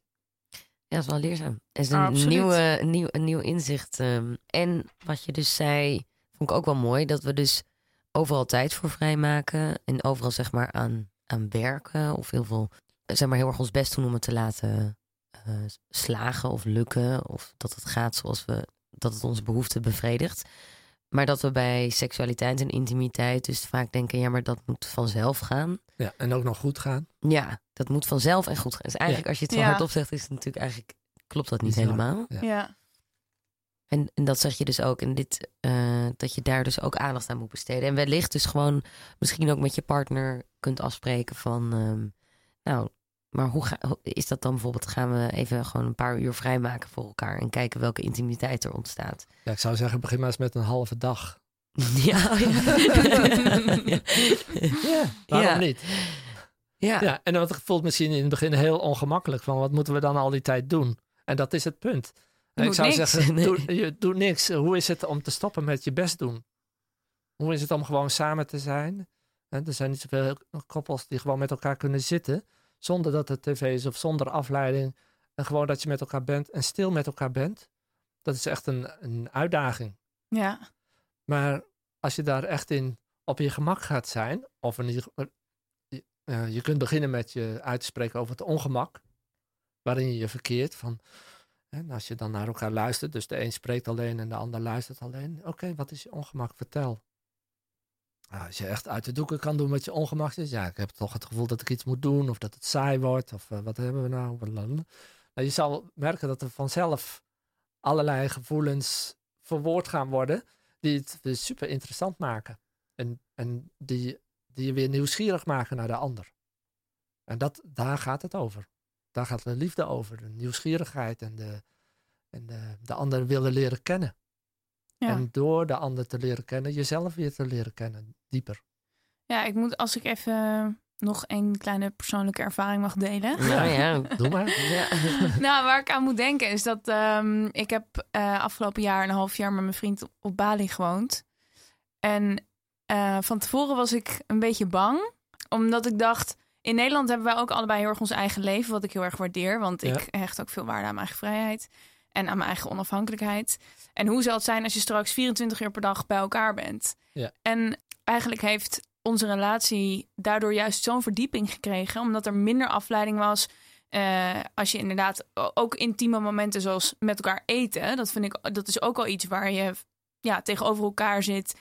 In Nederland heb je misschien eerder afleiding van een tv die aanstaat of wat dan ook. Maar omdat je echt heel erg gericht bent op elkaar, Mhm. werd die intimiteit ook veel groter. Ja. Ik merk eigenlijk dat dat, dat dat verschil in Nederland, als je dan weer terug bent, dan verval je dus natuurlijk ook weer automatisch een beetje in je oude patronen. Makkelijk, ja. Ja, dat dat echt een groot verschil is. Dus inderdaad, dat, dat, dat we daar half, wat je zegt, nou laat ik even de halve dag eh, aanhouden. Ja. Gewoon met elkaar zijn. En dat gaat supergoed als je er eenmaal aan overgeeft en als je daar eenmaal bent. En inderdaad, als ik er nu weer back in Holland eh, over nadenk, ja, volgende week even een halve dag. Dan, dan moet je daar opnieuw aan wennen eigenlijk, aan dat Ja. idee. Ja. Dat is interessant. Ja, maar ik zou, het, zou zeggen, Ja, ik ga het weer terugbrengen. Ja, ja, ja. Ik heb er helemaal zin in. Ja, ja, Ja. En maar heb je wel het idee, als je het wil beantwoorden, maar dat er dat die diepgang iets blijvend, dus dat jullie iets hebben aangeraakt. Ja, zeker. Ja, ja, dat vind ik wel. Dat, dat Het denk is ik echt ook. gebleven. Ja. En, en ja, we hebben ook wel, ook omdat wij eh, allebei voor onszelf werken, hebben we wel veel vrijheid om ook onze tijd met elkaar door te brengen. Eh, en zeker omdat we die verdieping daar echt hebben ervaren, merk ik ook dat we dat in Nederland wel zijn door, door gaan zetten. Maar ja. Ja. wat ik zei, je hebt natuurlijk toch je patronen waar je in terugvalt. Dus het is inderdaad, het is, ja, je neemt minder tijd. Maar ik vind dit wel weer een opsteker om daar weer eh, meer in te investeren. Ja. ja. En ik zou zeggen, hè, de, want, want jij vroeg van, is het blijvend? Ja, is het een, is het een laag die, die jullie wel zomaar samen hebben aan- aangeraakt of in zijn gaan zitten en die niet meer weg is gegaan, zeg maar? Ja, want het zou kunnen zijn dat je op een gegeven moment verandert de relatie of veranderen je gevoelens. En kun je dan al die schoonheid en al die, dat moois wat je met elkaar hebt ervaren blijven koesteren. Want daar gaat liefde over, dat, dat je die liefde kunt blijven voelen. En dat is vaak in een relatie, als, als iemand niet meer, als er iets eh, niet blijvend is, zal ik maar zeggen, dus er verandert iets, eh, dan hebben we vaak de neiging om te zeggen van nou laten we de relatie maar stoppen. En dan zeg je knip en nu is mijn liefde voor jou ook weg. Is maar helemaal de vraag.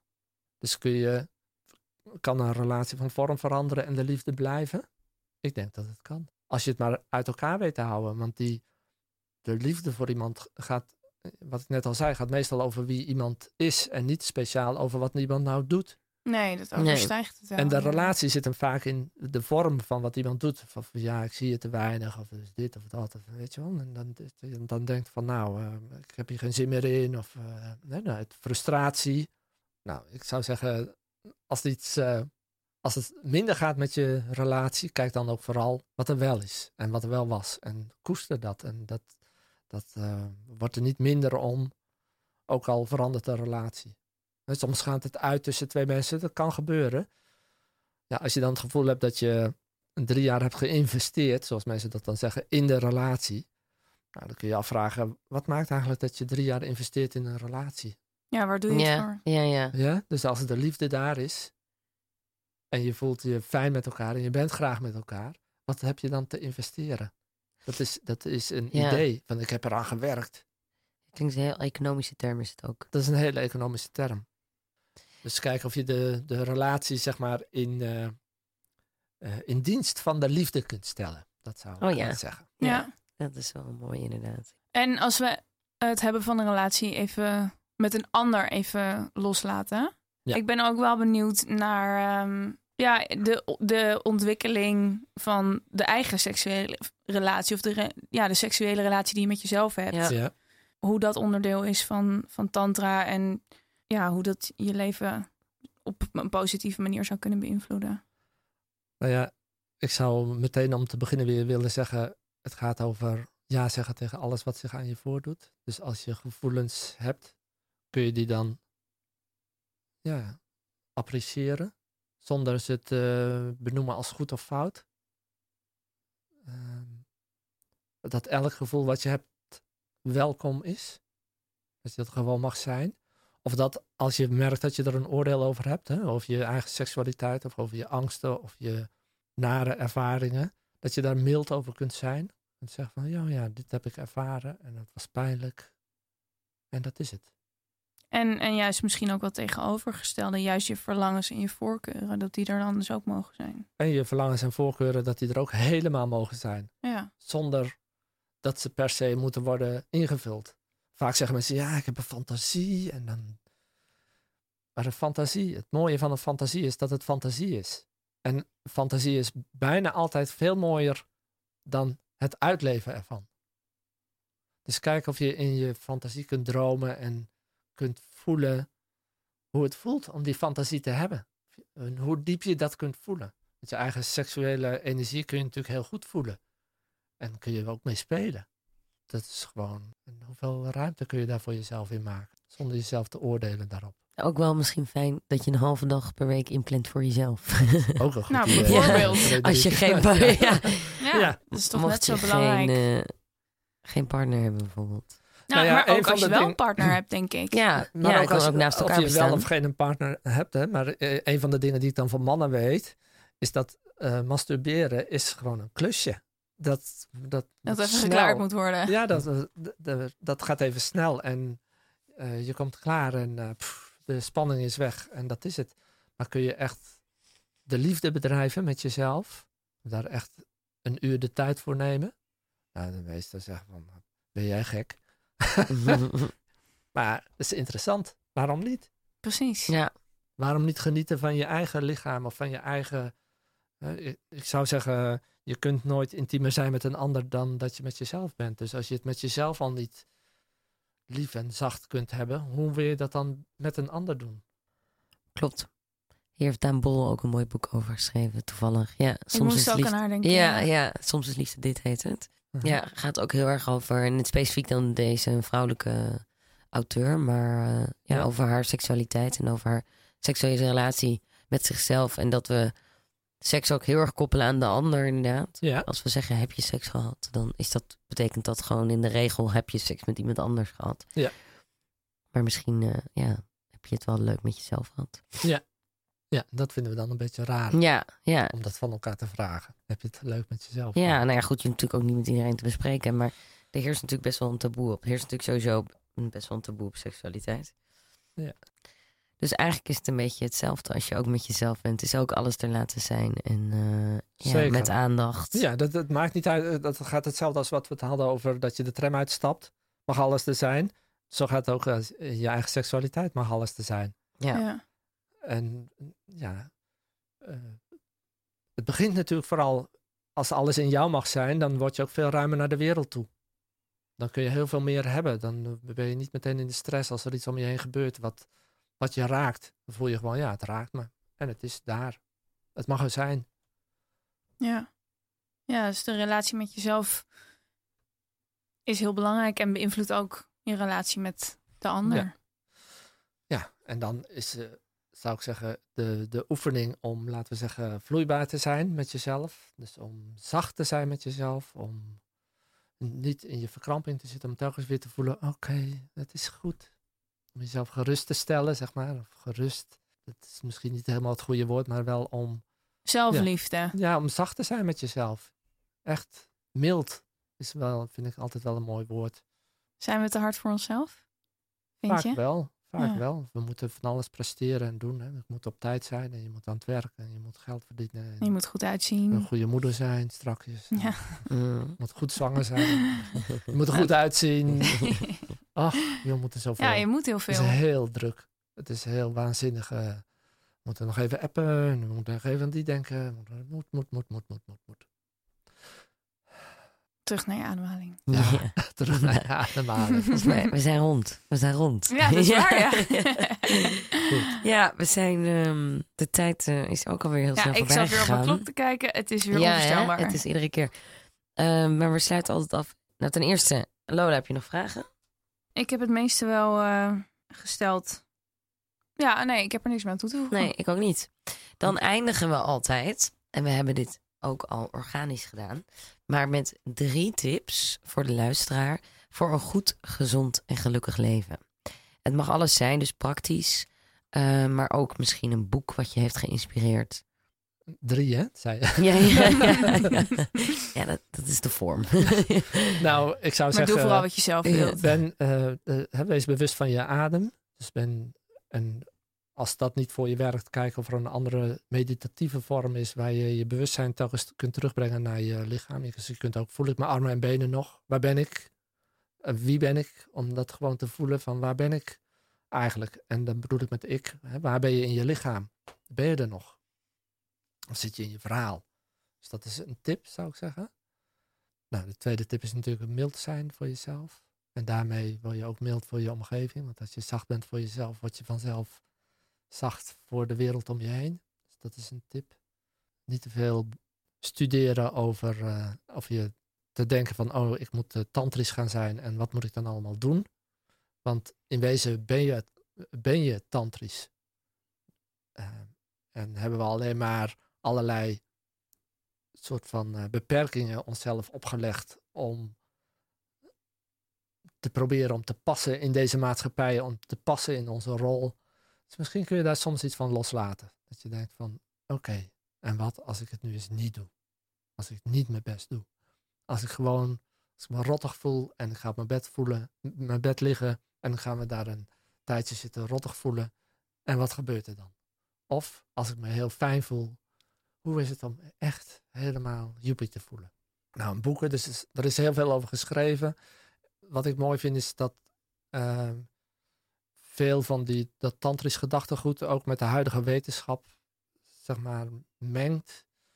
Hè, dus de, eh, het werk van eh, Harari, Yuval Harari, is, is, eh, zou ik bijzonder iedereen aanraden om te lezen. Hij is van Homo sa- van Sapiens, toch? geval Sapiens Ja. hè, en de Homo Deus. Ja. En Sapiens is een mooi boek, omdat je dan iets gaat leren over hoe zijn wij als mensen zo geworden zoals we zijn. En dat is natuurlijk interessant om, als het gaat over jezelfonderzoek, waarom doe ik zo? Dan staat daar wel best wel mooi beschreven in waarom je doet wat je doet. En waarom je in conflict komt met jezelf. En dan te zien, oh ja, ik kom in, conf- in, in conflict met mezelf. Right. Daar dan weer eh, rustig over te worden. Hele goede afsluiter. Heel goed. Ik ben helemaal tevreden. Ik ben ook heel tevreden. Ik vond het weer een hele mooie, inspirerende uitzending. Eh, we hopen dat jullie dat ook vonden. Je kunt ons beluisteren op Spotify, iTunes en Soundcloud. En schroom niet om vijf sterren achter te laten. of een comment. En we zien jullie graag volgende maand weer.